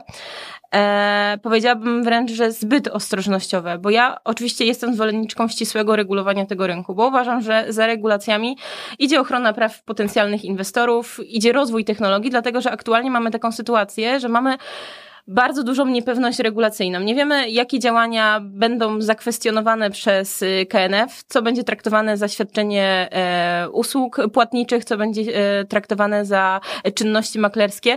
A pamiętajmy, że rynek kapitałowy jest bardzo przeregulowany. Bardzo trzeba uważać na to, żeby jakieś nasze czynności rzeczywiście nie podpadały pod jakąś e, regulację. I te kary są naprawdę ogromnych rozmiarów, bo za prowadzenie nieuprawnionej działalności maklerskiej kara grozi do 5 milionów złotych, więc to naprawdę e, można się na tym nieźle przejechać. E, Stąd też bardzo często jest tak, że e, klienci, którzy, którzy do mnie się zgłaszają z danym projektem, nawet nie zdają sobie sprawy, że jeżeli poprowadziliby działalność troszeczkę inaczej, to rzeczywiście mogliby się narazić na no, tak wielką odpowiedzialność. Więc tutaj bardzo istotne jest dokładne rozłożenie na czynniki pierwsze tego, co robimy i zastanowienie się, czy nasza działalność w jakimś obszarze nie będzie podlegać e, regulacjom tego tradycyjnego rynku kapitałowego. I wracając jeszcze do Twojego pierwszego pytania, jak prawo w ogóle odnosi się do, do kryptowalut, no to tutaj niestety trzeba wskazać, że jest to problem no, dość bagatelizowany, bym powiedziała, dlatego że jedynym aktem prawnym, który odnosi się w ogóle do pojęcia waluty wirtualnej, nie kryptowaluty. Waluta wirtualna jest pojęciem nieco szerszym od kryptowaluty, dlatego że Mogą być też eurogąbki. Dokładnie. tak, kryptowaluta zakłada e, oparcie się o, o techniki kryptografii, tak? Natomiast waluta wirtualna jest pojęciem szerszym. To też mogą być jakieś pieniądze, za które e, płacimy w grze. E, no jest to kategoria nadrzędna. Natomiast mm, ustawa o przeciwdziałaniu praniu pieniędzy z 1 marca 2018 roku wprowadziła do polskiego porządku prawnego definicję legalną e, kryptowaluty, no trochę rozwiewając wątpliwości, bo w tym zakresie się pojawiały naprawdę bardzo, bardzo różne koncepcje. I ta, ta definicja składa się jakby ze strony pozytywnej i negatywnej, bo z jednej strony wskazuje, czym kryptowaluta jest i czym na pewno nie jest. Więc e, tutaj ustawodawca zdecydował się na przyjęcie takiej koncepcji, że kryptowaluta jest cyfrowym em, aktywem reprezentującym wartość, który nie jest e, insty, e, instrumentem płatniczym, instrumentem finansowym, pieniądzem elektronicznym, międzynarodową e, jednostką rozrachunkowa, rozrachunkową, no i nie jest też wekslem ani czekiem. I wskazuje się tutaj też, że taka waluta wirtualna musi być wymienialna w obrocie gospodarczym na prawne środki płatnicze i akceptowana jako środek wymiany. No i z pozoru ta definicja nie budzi jednak jakichś szczególnych e, kontrowersji. E, ja jestem jednak dość sceptycznie do niej nastawiona, dlatego że im e, bardziej ją analizuję, tym, tym więcej wątpliwości interpretacyjnych mi nasuwa, bo na przykład co to znaczy, że jest akceptowalna jako środek wymiany. Tutaj, jeśli chodzi o pieniądz, to zazwyczaj mówimy, że to musi być powszechna akceptowalność. No Tutaj właśnie, przez kogo akceptowalny? Tak, czy jeżeli ja z drugą osobą, tak, czyli w bardzo wąskim gronie umówię się, że teraz naszym środkiem, w cudzysłowie płatniczym, będzie jakaś kryptowaluta, czy to już jej nadaje właśnie ten Albo walor? browar jak w budowlance. No właśnie, dokładnie. To, to, to tego nie wiemy, tak? Albo co to znaczy, że jest e, wymieniana na prawne środki płatnicze? Czy może być bezpośrednio wymieniana?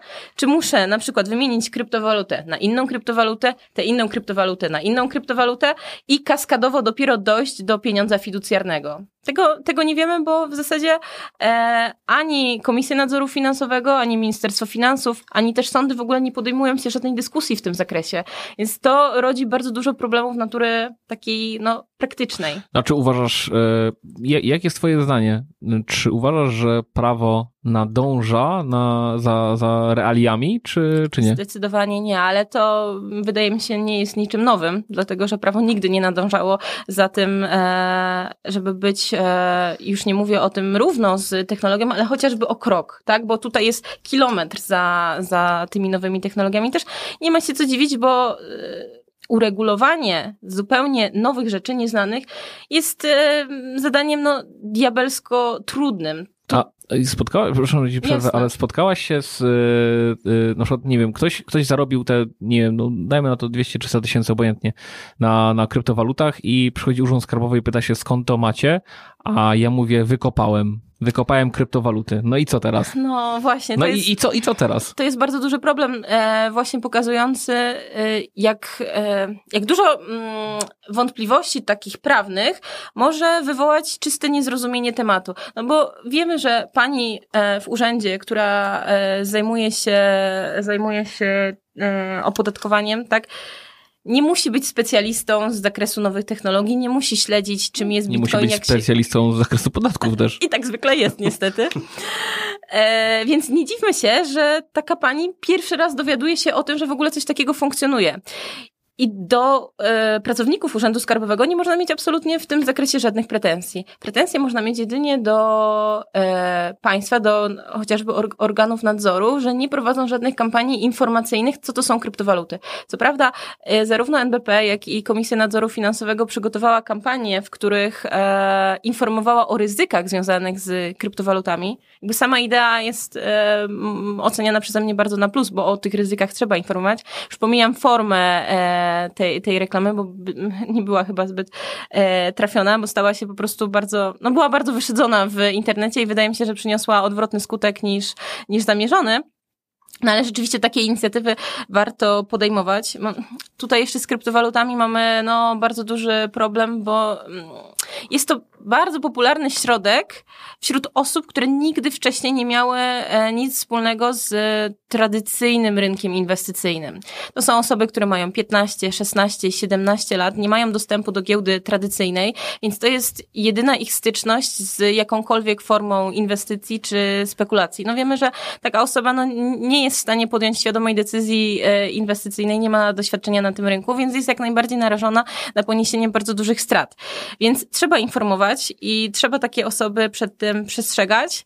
No ale powiedzmy, że też trzeba wyważyć, czy to, że mm, bardzo demonizujemy te, te kryptowaluty, cały rynek blockchain, nie doprowadzić do przystoju technologii i tego, że no, Polska jednak kiedyś była takim zagłębiem fintechowym, Dziś no, natomiast no, te projekty raczej przenoszą się za granicę, a jak przenoszą się projekty za granicę, no to niestety kapitał z Polski nam wypływa. A propos tego bezpieczeństwa i tego uciekania kapitału z, z Polski i tej takiej negatywnej plakietki do wszystkich kryptowalut, to w sumie mamy newsa sprzed kilku dni, tak? Mhm. E, Bitmarket.pl ogłosił upadłość, wszyscy eksperci mówią e, z obawą, że raczej nie ma szans na odzyskanie kapitału.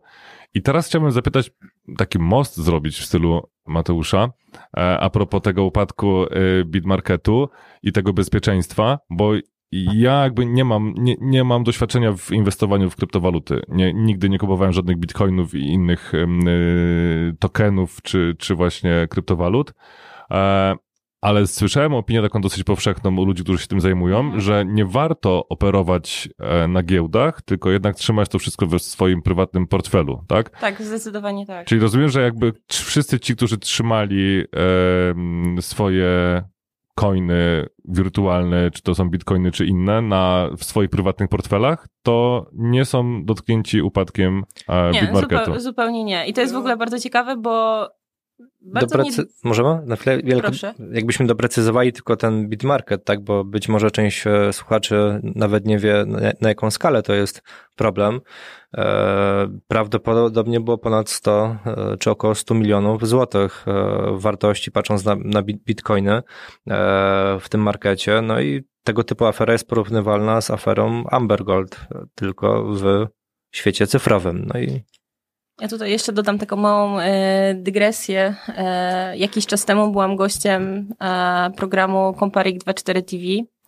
E, I dzień albo dwa dni przed em, nagraniem tego mojego wywiadu świat obiegła informacja o tym, że e, giełda Kryptopia e, w Nowej Zelandii została zhakowana. I akurat tam motywem przewodnim tego mojego wywiadu e, był upadek tej giełdy. I dzisiaj znowu w kolejnym programie ten temat powraca. Czyli to pokazuje skalę tego problemu, że to nie są jednorazowe sytuacje, one się po prostu dzieją. No i e, trzeba też jakby zastanowić się nad e, przyczynami. No, giełdy kryptowalutowe nie są w ogóle podmiotami regulowanymi. One działają sobie gdzieś tam w e, takiej sferze, no, mm, nie chcę powiedzieć pozaprawnej, ale nieregulowanej bezpośrednio przez przepisy. Oczywiście, e, jeżeli giełda świadczy usługi płatnicze, e, no to musi uzyskać stosowne licencje, natomiast jako tako nie mamy żadnej takiej typowej licencji dla gie- giełdy kryptowalutowej, jak na przykład jest to w Estonii. I z tego powodu nie mamy żadnej gwarancji, że taki podmiot dopełnia najwyższych standardów, jeśli chodzi o bezpieczeństwo środków, in, infrastrukturę IT, bo trzeba przyznać, że firmy inwestycyjne czy banki, czyli te podmioty tradycyjnego rynku kapitałowego, mają bardzo, bardzo rygorystyczne wymogi, jeśli chodzi o cyberbezpieczeństwo, infrastrukturę IT, ochronę środków swoich, e, swoich klientów. Na przykład są zobowiązane do tego, żeby wdrażać wewnętrzne procedury w zakresie cyberbezpieczeństwa, czy też e, muszą przeprowadzać tak zwane stres testy, tak? Czyli no są to na przykład takie symulacje ataków hakerskich czy, czy włamań na taką giełdę. One wtedy już wiedzą, jak się zachować. Poza tym, skoro pozostają pod, pod nadzorem e, KNF-u, no to też e, jakaś tam kontrola nad ich działalnością e, jest sprawowana. W przypadku giełd kryptowalutowych takiego nadzoru nie ma, więc nikt nie jest w stanie zweryfikować, czy taki podmiot rzeczywiście dopełnia jakichkolwiek standardów bezpieczeństwa. I czy się nagle nie przeniesie do innego kraju, bo nagle mu jest odpowiednio lepiej, nie wiem, na Malcie, tak? I uciekają z Polski na tak. Maltę, albo z y, chyba Bitmarker ostatecznie nie, nie, nie jestem pewny, czy to jest potwierdzone, czy to nie jest wiarygodna informacja, jakby teraz może ty ją y, y, potwierdzisz. Oni Mhm. chyba aktualnie w ostatnim czasie byli e, firmą z Wielkiej Brytanii, tak? W Wielkiej Brytanii, tak. tak, tak, Oni byli jakąś po prostu spółką z grupy kapitałowej, gdzie, gdzie spółką dominującą była e, spółka e, w UK zarejestrowana. E, no właśnie, właśnie to jest ten problem. E, kolejny, dochodzenie roszczeń za granicą. Większość giełd kryptowalutowych ma swoją siedzibę gdzieś na Wyspach Marszala, Wyspach Dziewiczych, Kajmanach, Seszelach, w Singapurze. No i no, możemy łatwo sobie uzmysłowić, że dochodzenie roszczeń w takiej egzotycznej jurysdykcji jest e, no, zabiegiem zdecydowanie bardziej skomplikowanym i kosztownym e, niż tutaj w Polsce. Często zdarza się tak, że jakby suma środków zgromadzonych na tym koncie, które ostatecznie zniknęły temu użytkownikowi, no, będzie niższa niż koszty obsługi prawnej e, koniecznej do tego, żeby te środki odzyskać. Niż tłumaczenia chociażby, tak? Dokumentów. No właśnie, tak. I niejednokrotnie wymaga to chociażby osobistej obecności e, w tym, tym państwie, żeby chociażby, nie wiem, złożyć jakieś zeznania w e, charakterze świadka czy pokrzywdzonego. No jest to, jest to bardzo problematyczne. Jeszcze o ile mm, kraje z e, Unii Europejskiej dość dobrze ze sobą współpracują i tutaj ten system wzajemnej wymiany pomiędzy władzami czy też organami nadzoru działa dość sprawnie, o tyle gdy, gdy mówimy już o krajach położonych zupełnie na, na innym kontynencie, to jest bardzo, bardzo duży problem. No i tak jak wspomniałeś, e, z racji tego, że giełdy kryptowalutowe mm, nie mają e, obowiązku dopełniania jakichkolwiek standardów e, bezpieczeństwa, no są łakomym kąskiem dla hakerów. Stąd też zaleca się, żeby nie trzymać na nich swoich środków, bo jest to bardzo, bardzo, bardzo ryzykowne. Natomiast jeżeli najbezpieczniejszym sposobem na, na trzymanie swoich kryptowalut jest w ogóle portfel formie fizycznej, który nie jest podpięty do żadnej sieci, tak? Czyli na przykład mamy go na pendrive'ie, e, no bo wtedy nie ma żadnego ryzyka, żeby, że ktoś nam się do niego włamie. No właśnie, bo warto to mocno rozgraniczyć. Jakby um, giełdy kryptowalutowe są tak, jakby można je porównać do giełd takie, jak są no, norm, normalnych, tradycyjnych. Tak, bo działają na tej samej zasadzie. Dokładnie, w związku z tym, mając kryptowalutę, no, to nie oznacza, że ja muszę wchodzić na giełdę, tak? Tak samo y, mając zwykłe pieniądze, nie muszę grać nimi na giełdzie jak prawda? najbardziej. Więc, mm, chociaż pewnie większość osób, która ogólnie w kryptowaluty wchodzi, no, robi to głównie po to, żeby pograć z nimi. Tak, no tylko, że y, powinno się robić tak, że trzymam na giełdzie tylko taką liczbę y, tych kryptowalut, która jest mi potrzebna. Tak, którą mogę stracić, albo która jest mi potrzebna do przeprowadzenia określonej transakcji, tak? tak? Później je wypłacam. Natomiast ludzie mają tendencję do tego, że wszystkie kryptowaluty wrzucą sobie na to swoje konto w, na giełdzie, bo tak jest wygodniej, bo nie trzeba się martwić o portfel y, zewnętrzny.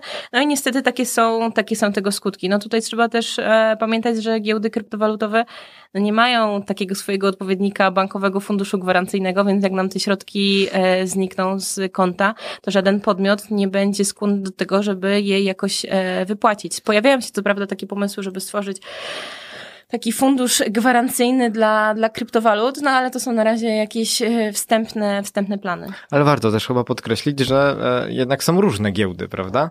W sensie takim, że ja sporo o tym czytałem i był, jest sporo artykułów, jak wybrać odpowiednią giełdę. Tak. Uważaj na to, na to, na to. Czyli są takie, które są słabo zabezpieczone, które gdzieś tam niosą duże ryzyko, bo są w krajach, w których nie ma żadnej jurysdykcji nad tym, mhm. ale so, są, są takie, które jednak, wspomniałaś o Estonii na przykład, tak. w jakiś sposób są jednak regulowane. To prawda, aczkolwiek zwracam też uwagę na to, że Binance, czyli największa giełda kryptowalutowa, sama miała problemy z atakami hakerskimi i to na bardzo, bardzo dużą skalę. I to powoduje, znaczy to, to nam pokazuje, że podmiot, który działa bardzo profesjonalnie, na bardzo dużą skalę, też jest narażony na ataki hakerskie, bo gdzieś te zabezpieczenia są jednak mniejsze niż w przypadku tych e, podmiotów tradycyjnego rynku finansowego. I myślę, że to jest właśnie główny problem fintechów bo e, świadczą usługi naprawdę często bardziej konkurencyjne niż e, te tradycyjne podmioty regulowane, ale z drugiej strony no nie są w stanie zapewnić takiego samego poziomu bezpieczeństwa swoim klientom.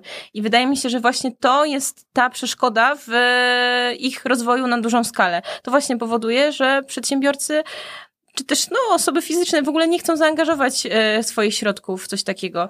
No nie wiem, na przykład bardzo dużo banków e, nowych, e, takich e, stawiających na innowacyjność powstaje na Litwie, dlatego że tam procedura licencyjna i współpraca z litewskim organem nadzoru jest dużo bardziej sprawna niż e, w Polsce. Natomiast ja miałabym duże opory przed tym, żeby w takim banku swoje środki ulokować, dlatego że nie mam pewności, czy tam e, nadzorca odpowiednio weryfikuje wszystkie, e, wszystkie kwestie związane z bezpieczeństwem tych środków. No bo w Polsce, e, żeby dostać e, zezwolenie KNF-u chociażby na założenie domu maklerskiego, funduszu inwestycyjnego czy, czy banku, trzeba dopełnić naprawdę bardzo, bardzo sformalizowanych procedur. Ja sama w tym e, uczestniczę i czasami te procesy ciągną się latami. E, I dalej wymieniamy się z Komisją Nadzoru Finansowego dokumentami. Komisja dopytuje naprawdę o bardzo, bardzo szczegółowe rzeczy. No i z jednej strony można powiedzieć, że to formalizm i biurokracja, ale z drugiej strony, no to też daje nam e, określony poziom jakości takiej, e, takiego podmiotu. E, wskazałaś wcześniej przed e, tutaj dyskusją z Mariuszem jeszcze e, temat związany właśnie z błędami, które popełniają mhm. osoby posiadające bitcoiny. Czy jest więcej tego typu błędów, na które warto zwrócić uwagę, żeby właśnie ich nie popełniać? Czy tylko ten temat związany z tym, żeby mieć przykładowo na nośniku zewnętrznym nasze bitcoiny. Ja byłabym jeszcze bardzo ostrożna z wchodzeniem w nowe projekty, bo tak jak e, właśnie powiedziałam, bardzo dużo e, osób stara się wykorzystać e, ten hype, który powstał na, na kryptowaluty, zakładając jakieś scentralizowane projekty, które nie można nazwać inaczej jak piramidy finansowe, które z pozoru wyglądają bardzo profesjonalnie.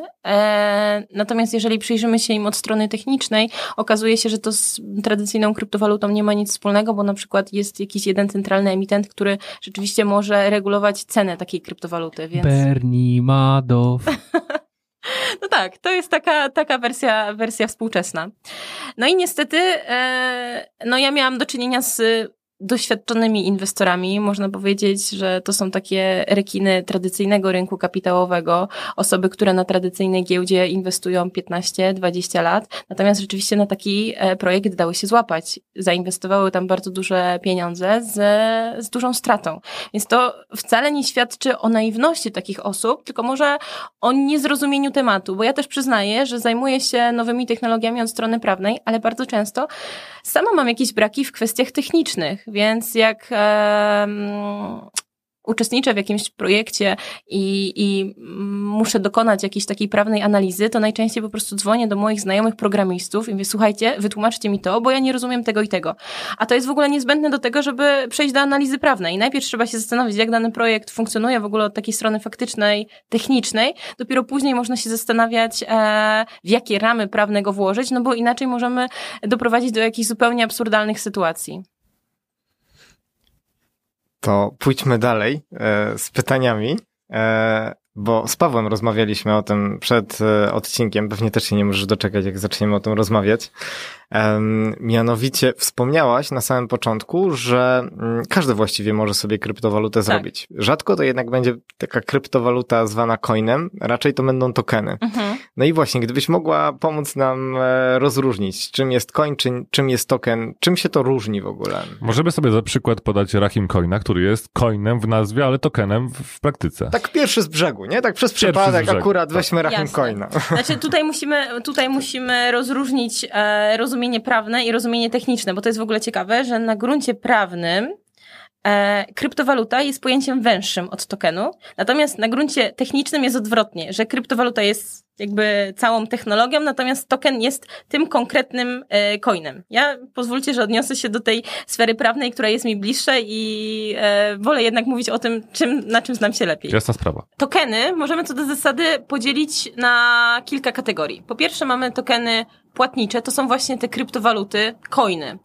One mają właśnie spełniać e, funkcję zbliżoną do tradycyjnych środków płatniczych, czyli po prostu do pieniądza fiducjarnego. Możemy mieć tokeny użytkowe, które e, służą jedynie uruchomieniu konkretnej funkcji w danej aplikacji. Czyli mam takiego, mam taki token, więc mogę sobie w danej aplikacji, no nie wiem, kupić jakąś postać albo e, zapłacić w cudzysłowie wyłącznie w ramach jednej konkretnej platformy za daną e, usługę. Mamy później też e, tokeny inwestycyjne. I te tokeny inwestycyjne są jakby najbardziej skomplikowanym, najbardziej skomplikowaną konstrukcją e, od strony prawnej, ponieważ one swoim charakterem bardzo zbliżają się do papierów wartościowych, bo ucieleśniają określone prawa podmiotowe e, posiadacza, względem no, emitenta, czyli zwykle jest to jakaś, jakaś spółka. Tokeny inwestycyjne z, często ucieleśniają e, prawa do akcji, czy też prawa e, udziałowe w danej spółce. I tutaj zawsze istnieje ryzyko zakwalifikowania ich do kategorii e, instrumentów finansowych, bo rzeczywiście wykazują e, ścisły związek. Więc e, jeżeli mówimy tutaj o tokenach i kryptowalutach, no to ja bym powiedziała, że kryptowaluta jest to token o charakterze płatniczym. Mhm. Okej. Okay. Ja powiem wam tylko, co podsłuchałem w innym podcaście. Podcast się nazywa Uwaga Krypto. E, przygotowując się tutaj. O czym był ten podcast? O kryptowalutach. Okej. Okay. E, i... Jak wyjść z cienia? Pierwsze wyjście z szafy. Ale nie, bo Krypto. Nie, nie wiem, czy wiecie, ale w ogóle jest... E, I, podcasterzy, którzy, nie, czy ogólnie osoby, które zajmują się kryptowalutami, jak e, udostępniają jakąś wiedzę, to podobno gdzieś tam mają problem, e, że, że kasują im odcinki i te, tak No, dalej, takie, prawda. takie rzeczy. Mariusz, ale y, jakieś bezeceństwa opowiadasz, nie ma innego podcastu niż nasz. No. Ale to prawda. O czym- o czym ty Tacy, którzy próbują, prawda, coś tam Ty słuchasz prowadzić. innych podcastów niż te, w których sam występujesz? Tylko ja nie. się, tylko jak się przygotowuję i nie jestem w stanie akurat czytać, tylko jadę samochodem, e, żeby pogadać z gościem, to, to wtedy słucham. Jest tylko jeden podcast, a Piotr Łysko jest jego prorokiem. Dobra, ale słuchajcie, co, co usłyszałem w tym podcaście? Oni bardzo ciekawe porównanie, czy porównanie, rozróżnienie zrobili pomiędzy coinami i tokenami, które no, ja akurat do, do mnie fajnie dotarło. W sensie coin e, jest wtedy, kiedy czy z coinem mamy do czynienia wtedy, kiedy możemy nim po prostu płacić, tak jak powiedziałaś. E, Natomiast token to jest tak, jakbyśmy poszli gdzieś tam na festynie, dostali e, jakieś kartki, jakieś takie żetony e, i mogli sobie za to coś kupić, jakąś tam usługę i tak dalej. Dokładnie tak. Myślę, że to, to jest no dobre uzmysłowienie sobie czego, czy, czym, czym, jest, czym jest token, z tym, że właśnie tutaj no jeszcze rozróżniałabym te tokeny użytkowe, bo te, które ty powiedziałeś, to są, to są właśnie tokeny użytkowe, natomiast teraz coraz większą popularnością cieszą się te tokeny inwestycyjne, bo em, ludzie starają się jakby znaleźć e, alternatywne źródła e, dematerializowania akcji z pominięciem ustawy o obrocie instrumentami finansowymi. No i mm, pojawia się coraz więcej e, takich projektów, gdzie instrumentem bazowym jest akcja, natomiast instrumentem pochodnym token, tak, czy e, token inwestycyjny. To czym jest Rahim Coin? Rahim Coin jest e. Takim tokenem, czyli takim na festynie, taką kartką na piwo.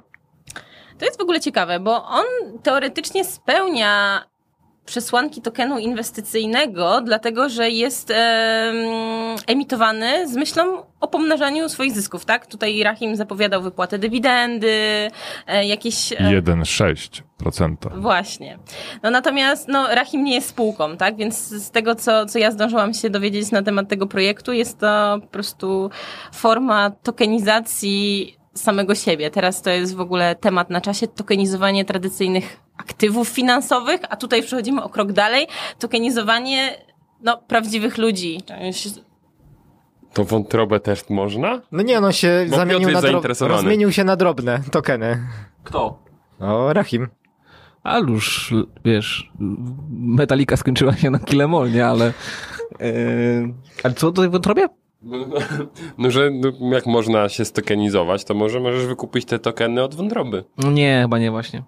Nie? Ale ja mam bardzo dobrą wątrobę, w super stanie, jak pupsia niemowlaka. A Czy- to przeszczep... Nie, co ty? Czy- Proszę cię, insynuacje głupie. Dragi nie niszczą wątroby. E, ale a propos tego, nie, bo tam mówiliśmy o tych spekulacjach i tak dalej w tej marce, y, marce osobistej, tej kryptowalucie osobistej, no to Rahim też zapowiadał, że on będzie dostarczał publicznie dla swoich inwestorów, akcjonariuszy, Rahim Coinowiczów, badania zdrowotne swoje i również podając analizie, że, że jakby głównym zabezpieczeniem jest ubezpieczenie na życie również. Właśnie to jest bardzo trudne, bo ile w przypadku spółki e, wycena jej aktywów jest zabiegiem no, wykonalnym, tak? Nie mówię, że prostym, bo bardzo często rzeczywistego majątku spółki też nie da się tak łatwo wycenić. No ale powiedzmy mamy jakieś określone kryteria, które bierzemy pod uwagę. O tyle wycena człowieka w tej sytuacji jest to już w ogóle wydaje mi się, że wchodzimy w jakiś taki aspekt etyczny, tak? Czy w ogóle człowieka możemy wycenić? Metafizyczny. Znaczy on się opiera, wy- wypłata dywidend była oparta o PIT. Tak, to wiem, więc tak typowo materialistyczne podejście. No natomiast, no, gdybyśmy się zastanawiali nad tym, czy na przykład e, chodzi tylko o zarobki takiej osoby, czy też o jej rozpoznawalność, o to, jaką rolę pełni w społeczeństwie, tak? Idea jest taka, żeby tokenizować osoby znane. Nie tylko takich celebrytów, youtuberów, insta-influencerów, ale polityków. Też mi wszyscy mówią, żebym została insta-influencerką i wypuściła swój token personalny, więc... że tak. Piotr właśnie dąży do tego już. A, to się dogadamy po programie. W każdym razie e, rozmawiałam z Tylko wieloma... nie róbcie spółki cywilnej. Nie, teraz to musimy założyć prostą spółkę akcyjną, Prosta spółka akcyjna, tak. która jest bardzo trudna. E, żeby tokenizować osoby, które no, są z czegoś znane, są, mają, pełnią jakąś właśnie rolę społeczną, tak? Więc e, tutaj będzie problem, bo często takie osoby nie będą pewnie dysponować swoim majątkiem. Przedsiębiorcy z wyboru. Podcast dla naznaczonych biznesem. No to przejdźmy do poważnych tematów. Libra. Temat, który już omawialiśmy troszeczkę jakiś czas temu.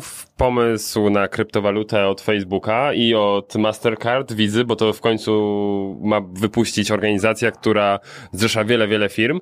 Um, popuściliśmy troszkę wodze naszej fantazji podczas jednego z odcinków i stwierdziliśmy, że to może być coś gigantycznego i to nie, i to nie jest przypadek, że rządy faktycznie się przestraszyły, bo gigantyczne korporacje zaangażowały się w tego powstanie. No i teraz zapytajmy ekspertki, co, co uważasz na ten temat? Czy to faktycznie jest szansa, że to jest kryptowaluta, która no, na dzień dobry stwierdziliśmy ma całkiem niezłe pokrycie, tak? Bo użytkownicy Facebooka, użytkownicy Mastercard, Wizy, e, Ubera, co tam jeszcze wchodziło? W Nawet grę? polskie PIU tam się pojawiło. Tak, więc no właściwie każdy z nas korzysta tylko z, przynajmniej z jednego z tych rzeczy, więc miałby gdzieś tam jakiś dostęp do tego, więc no jest spory rynek na dzień dobry otwarty.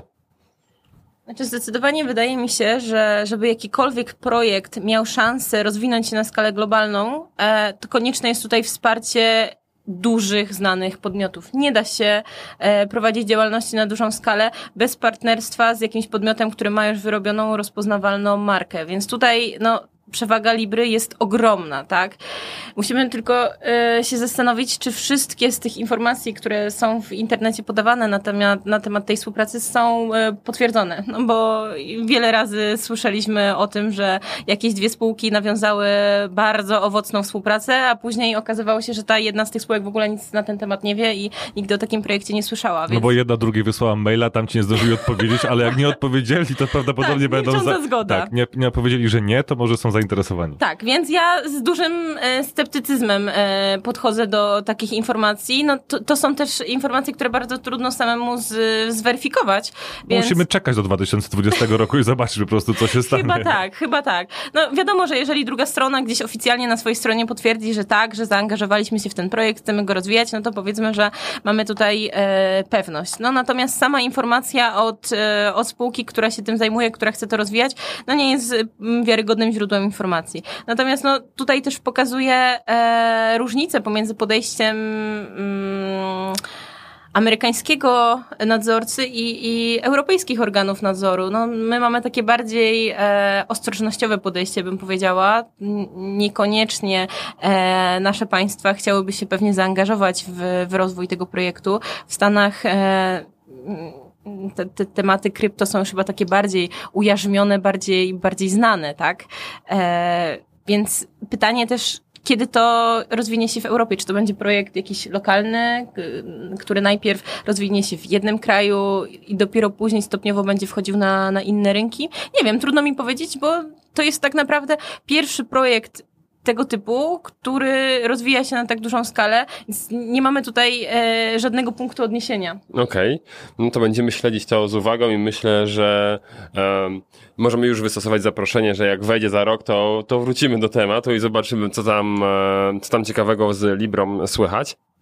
Nie udało mi się dopchać do głosu, ale zadam to pytanie teraz. I Z rok temu około mm, poszedł taki news, że wszystkie transakcje na rynku kryptowalut będą opodatkowane 2,5% PCC.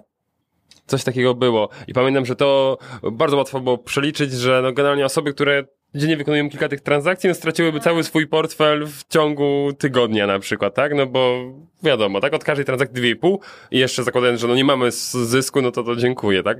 Wchodzimy bardzo szybko na jakieś ujemne procenty. A rzeczywiście taka informacja się pojawiła, to Ministerstwo Finansów tak zakwalifikowało e, obrót e, kryptowalutami i wywołało to no, ogromne wzburzenie wśród e, wszystkich inwestorów, dlatego że pomyślmy o takich daily traderach, którzy codziennie robią 400, 500, 600 transakcji. To prawda na małą skalę, znaczy mało, mało na tym zarabiają na jednej pojedynczej transakcji, jednak po, jeżeli to pomnożymy razy 500, 600, 700, no i od każdej kwoty, ca całej kwoty będziemy musieli zapłacić, określony procent, no to to już się nam robią po prostu e, horrendalne, horrendalne kwoty. E, ministerstwo wycofało się później z tego pomysłu, no bo samo uświadomiło sobie absurdalność e, tego rozwiązania. Było później e, wskazane, że rzeczywiście takie transakcje nie są objęte e, podatkiem od czynności cywilnoprawnych. E, teraz bardziej mówi się o tym, że kryptowaluty, zysk z kryptowalut powinien być traktowany po prostu jako zysk e, z inwestycji kapitałowych, tak? No ja niestety nie jestem doradcą e, podatkowym, jakby moja wiedza, jeśli chodzi o prawo podatkowe, ogranicza się do takich e, bardzo podstawowych kwestii, więc e, ja swoim klientom nie doradzam, jak się z kryptowalut rozliczać. No natomiast rzeczywiście staram się tak zupełnie hobbystycznie śledzić ten temat, bo gdzieś tam mnie to interesuje, mimo że sama inwestorem nie jestem. No i jest to ogromny, ogromny problem. Dalej e, urzędy nie wiedzą, jak kwalifikować e, kryptowaluty na gruncie prawa podatkowego i myślę, że to jeszcze bardzo, bardzo długo się nie zmieni. Super. um, no to jedziemy do kolejnego pytania. A wiem. Mowa była też o bezpieczeństwie i też rozmawialiśmy jakiś czas temu o Revolucie i tam jest opcja kupowania i wymiany na, na walutę, a Revolut szedł i ostatnio chyba jako instytucja bankowa, więc on jest w miarę bezpieczny. Wiem, że tam była jakaś dodatkowa weryfikacja, coś, coś w tym stylu, więc czy masz taką wiedzę, czy tam trzymane te kryptowaluty są w miarę bezpieczne? Znaczy Revolt, y, nie jestem teraz pewna, czy to jest y, podmiot, który posiada licencję bankową, czy licencję instytucji płatniczej, bo to są e, dwie, dwa różne zezwolenia. E, natomiast rzeczywiście na pewno jest podmiotem nadzorowanym przez e, Centralny Bank Litwy, bo tam mm, akurat organem nadzoru nad rynkiem finansowym jest Bank Centralny. Więc ten podmiot ma kontrolę nad, nad działalnością Revolta. Z tym, że to, to jest, tak jak powiedziałam, Litwa jest zagłębiem fintechowym dość łatwo jest uzyskać tam licencję. Ta współpraca na linii nadzorca, spółka przebiega bardzo, bardzo sprawnie. E, ale z kolei pojawiają się głosy, że mm, być może odbywa się to kosztem e, jakości dla tych podmiotów, które te e, usługi świadczą. Na przykład czytałam ostatnio raport, w którym wskazane było, że wszystkie fintechy litewskie mają bardzo duży problem z AML-em, czyli z przeciwdziałaniem praniu pieniędzy i finansowaniu terroryzmu, tylko że tam te procedury nie są należycie weryfikowane. E, więc ja miałabym pewne wątpliwości co do lokowania środków, dużych środków w e, taki, takich podmiotach. Oczywiście uważam, że Revolt jako sam pomysł e, kartą jest, jest fenomenalny, natomiast byłabym bardzo ostrożna w ocenie bezpieczeństwa e, takiego, takiego podmiotu. No też nie mam dostatecznych danych, to musiałabym poczytać jakby wewnętrzną dokumentację e, tej spółki i sprawdzić, jakie rzeczywiście zabezpieczenia oni wdrażają. Na pewno jest to zdecydowanie bardziej bezpieczny podmiot e, od podmiotów, które nie pozostają pod, e, pod nadzorem żadnego banku centralnego czy, czy innego urzędu. Nie mam pojęcia, co, co, co to jest, ale jest dużo skrótów, może to coś wyjaśnię. Moment. Tak, tak, ma licencję e, wydawania pieniądza elektronicznego, czyli raczej będzie instytucją płatniczą. Dobra. E... Miały być trzy, już czwarte. Nie, ale widzisz, dzięki temu no, Revolut tak wskoczył. A ostatnie pytanie i myślę, że takie, które może zainteresować, zainteresować miliony naszy, naszych słuchaczy, którzy podobnie jak ja ileś lat temu coś usłyszeli o Bitcoinie. Pamiętam, że na, jak tylko ten temat gdzieś tam wszedł, Coś tam poinstalowałem sobie na laptopie i zacząłem kopać. I to wcale działało przez jakiś czas i być może wykopałem coś. No i teraz nie mam pojęcia, jak mieć do tego dostęp i tak dalej. Czy jest w ogóle jakakolwiek szansa, jak coś wykopiemy sobie i stracimy do tego dostęp do odzyskania tego? A czy zanim odpowiesz na pytanie Michała, moglibyśmy pogadać, co to jest kopanie? A nie gadaliśmy o tym, co nie. jest kopanie? No to okej, okay, no w, powiedzieliśmy, że idzie się do kopalni, my tutaj nagrywamy na Śląsku i Zagłębiu, tam się zjeżdża i tam w tych wszystkich opuszczonych kopalniach są koparki, nie? Nie tak?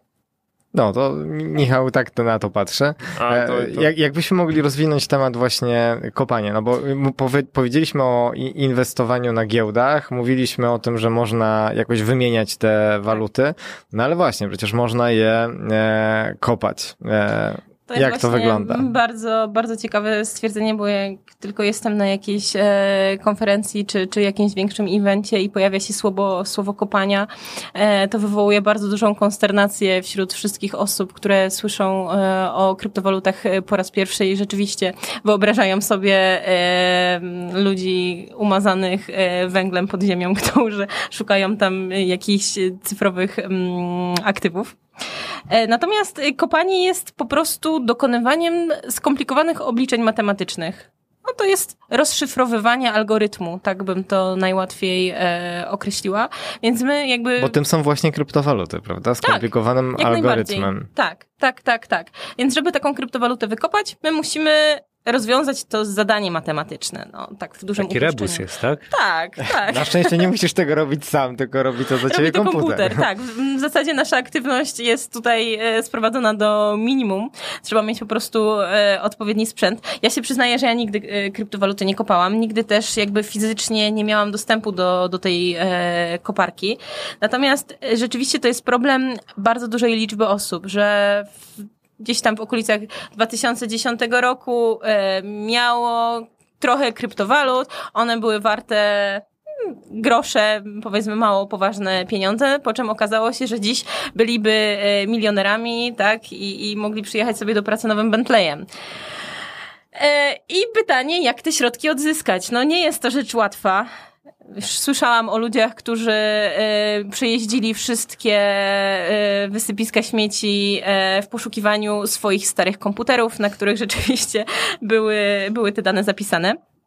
Pojawiają się teraz spółki, no mam znajomego, który zajmuje się akurat taką rzeczą, to znaczy ma spółkę, która pomaga odzyskać utracone środki. E, czyli na, na przykład mamy jakiś tam nasz e, portfel, zapomnieliśmy dostępu do tego portfela, no to na mm, podstawie innych danych czasami udaje się to rozszyfrować.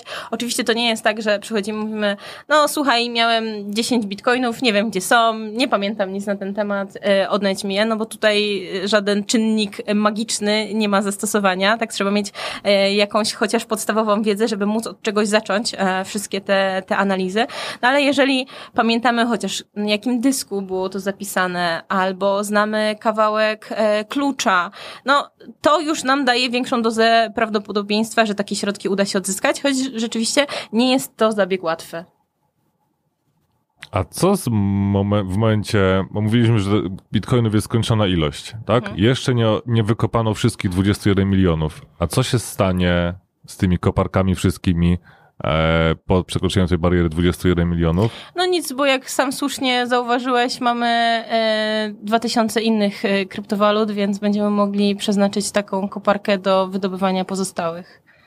Okej, ale bo to w takim razie to tak, taka trochę chyba. Mm, znaczy, chciałem, żebyśmy sobie to wyjaśnili wspólnie, bo ja mam jakąś tam wiedzę, pewnie masz dużo większą wiedzę na ten temat, bo bez tych e, ludzi, tych koparek powiedzmy, tak, którzy świadczą usługi na rzecz algorytmu, całej tej sieci tego blockchaina e, bitcoinowego, jakby ich nie było, to żadna transakcja nie mogłaby się odbyć. Tak, ale to jest teraz, e, musimy rozróżnić metodę proof of work i proof of stake, dlatego że e, rzeczywiście jest tak, że osoby, które kopią kryptowaluty, tak, metodą proof of work, potwierdzają transakcje, które się odbywają w tym łańcuchu bloków, tak? Czyli one gwarantują, że ta transakcja przebiega zgodnie z prawem. Bo na przykład e, blockchain bitcoinowy składa się z, e, no, z bloków, gdzie każdy blok zawiera odwołanie do sześciu poprzedzających go bloków. W związku z tym, no, e, nie da się go jakoś tak szczególnie podrobić, zmanipulować, no bo musielibyśmy wszystkie te pozostałe bloki przerobić. Ja to zawsze porównuję do takiego efektu domina, tak? Że jak już jedno zmienimy, to wszystkie pozostałe też nam polecą. E, natomiast teraz e, już są takie pomysły, żeby kryptowaluty przechodziły na metodę proof of stake, gdzie potwierdzeniem transakcji będzie trzymanie tych kryptowalut na portfelu. Ja przyznaję szczerze, że ja nie znam mm, takich technicznych różnic pomiędzy tymi dwoma metodami, natomiast wiem, że gdzieś jest to już, e, ten problem został zauważony i pracuje się nad tym, żeby takie rozwiązania wdrożyć. Ja właśnie też czy- czytałem e, informację o tym, że kopiąc kryptowaluty, kopiąc, kopiąc bitcoina, mamy zyski nie tylko z tego, co wykopaliśmy, ale również e, od tych transakcji, które przypadkiem nasza koparka zautoryzowała. Tak, tak, tak. Rzeczywiście, rzeczywiście tak się Czyli to... potem generalnie będzie można świadczyć te usługi em, obliczeniowe na rzecz autentykacji. e, Trudno powiedzieć, trudno powiedzieć. Nie wiemy też, czy po prostu nie, nie otworzy się sam rynek wtórny, tak, e, bitcoinów. No nie chciałabym tutaj e, Okej. jakoś spekulować. Przedsiębiorcy z wyboru. Podcast dla naznaczonych biznesem. Dziękujemy drodzy słuchacze za wysłuchanie tego odcinka i jak zawsze zapraszamy do zostawiania pięciogwiazdkowych recenzji na iTunes i w innych portalach. Przypominamy, że Piotr zadeklarował się do każdej recenzji odnieść w formie rymowanej. Rapowanej, rapowanej. ry, rymowanej, rapowanej, także myślę, to może że być wiersz biały. Tak. E, No, wspominałeś o freestylu, Tak, także wiesz. barczy biały. Więc e, mieli okazję Ale skąd ta posłuchania. metafora do barszczu białego? Bo też będzie dużo kiełbasy i czosnku? I się będzie kisić. I jajo. I tym optymistycznym akcentem kończymy dzisiejszy odcinek. Zapraszamy oczywiście na ostatnie minuty, bo tam moc atrakcji. Em, Do usłyszenia w następną środę. Przedsiębiorcy z wyboru. Podcast dla naznaczonych biznesem. Porady, studium przypadków, nowinki, analizy, dyskusje, rozmowy, opinie. Fintech, tak? No to f- coś z Finlandią na pewno. O, no prawda. Technologia fińska. To są sauny, Czy to jest sauny. zaproszenie na wieczór? No to są sauny. A nie techniką w Finach? W piątego Finlandii to ja rozumiem. No. No, prawda? Dokładnie o to miałem na myśli. No. Ty, Paweł, ty rozumiesz na środę o Finlandii. A nie, nie w śr- środa to absolut. Zobacz, rzuciliśmy dowcip o Rahim Coinie i nie tylko my się śmialiśmy, gościni też się śmiała. To jest pierwszy taki przypadek, gdzie gość śmieje się z naszych żartów. Do czasu. Znaczy ja się z tego w ogóle nie śmieję, bo Rahim Coin jest smutny, a nie, a nie śmieszny. Paweł, jakbyś usiadł na ziemi, to byś był w wielkości Piotrka. usiadł w maluchu. I widzicie, i tak się właśnie kończy kreatywność o godzinie 8 rano. No, fajny news, no. To No, dalej. nie, nie, nie. Ty, ale powiedz to jako newsa. Mm, W jednym z odcinków, nie wspomnę Ale już to w który. środę po absolwencie. E, tak. E, Absolucie. Albo we Finlandii. Em, dobra, weź, zejdźmy z. Jest szewc. Więc próbuję... Aha! Szef! Inny przykład. Ja głupi, kurwa. Dobra, jak szef to już wszystko wiem. No. Mateusz. Jak mówisz jakiś naprawdę dobry żart, to spróbuj nie parskać śmiechem przy tym, bo potem słuchacze nie będą słyszeć. To on parsnął czym innym, nie śmiechem. Wywołany do tablicy, dlaczego, dlaczego ty odpowiedziałeś, jak mówiliśmy o śwince Pepe, Pepie? Kto wie, ten wie. Pozdro dla kumatych. A już się bałem, że nie będę miał nic na koniec w tym odcinku. Skoro byliśmy przy picie, to znowu kwestia... To jest najbardziej fortunne, co mogłeś powiedzieć.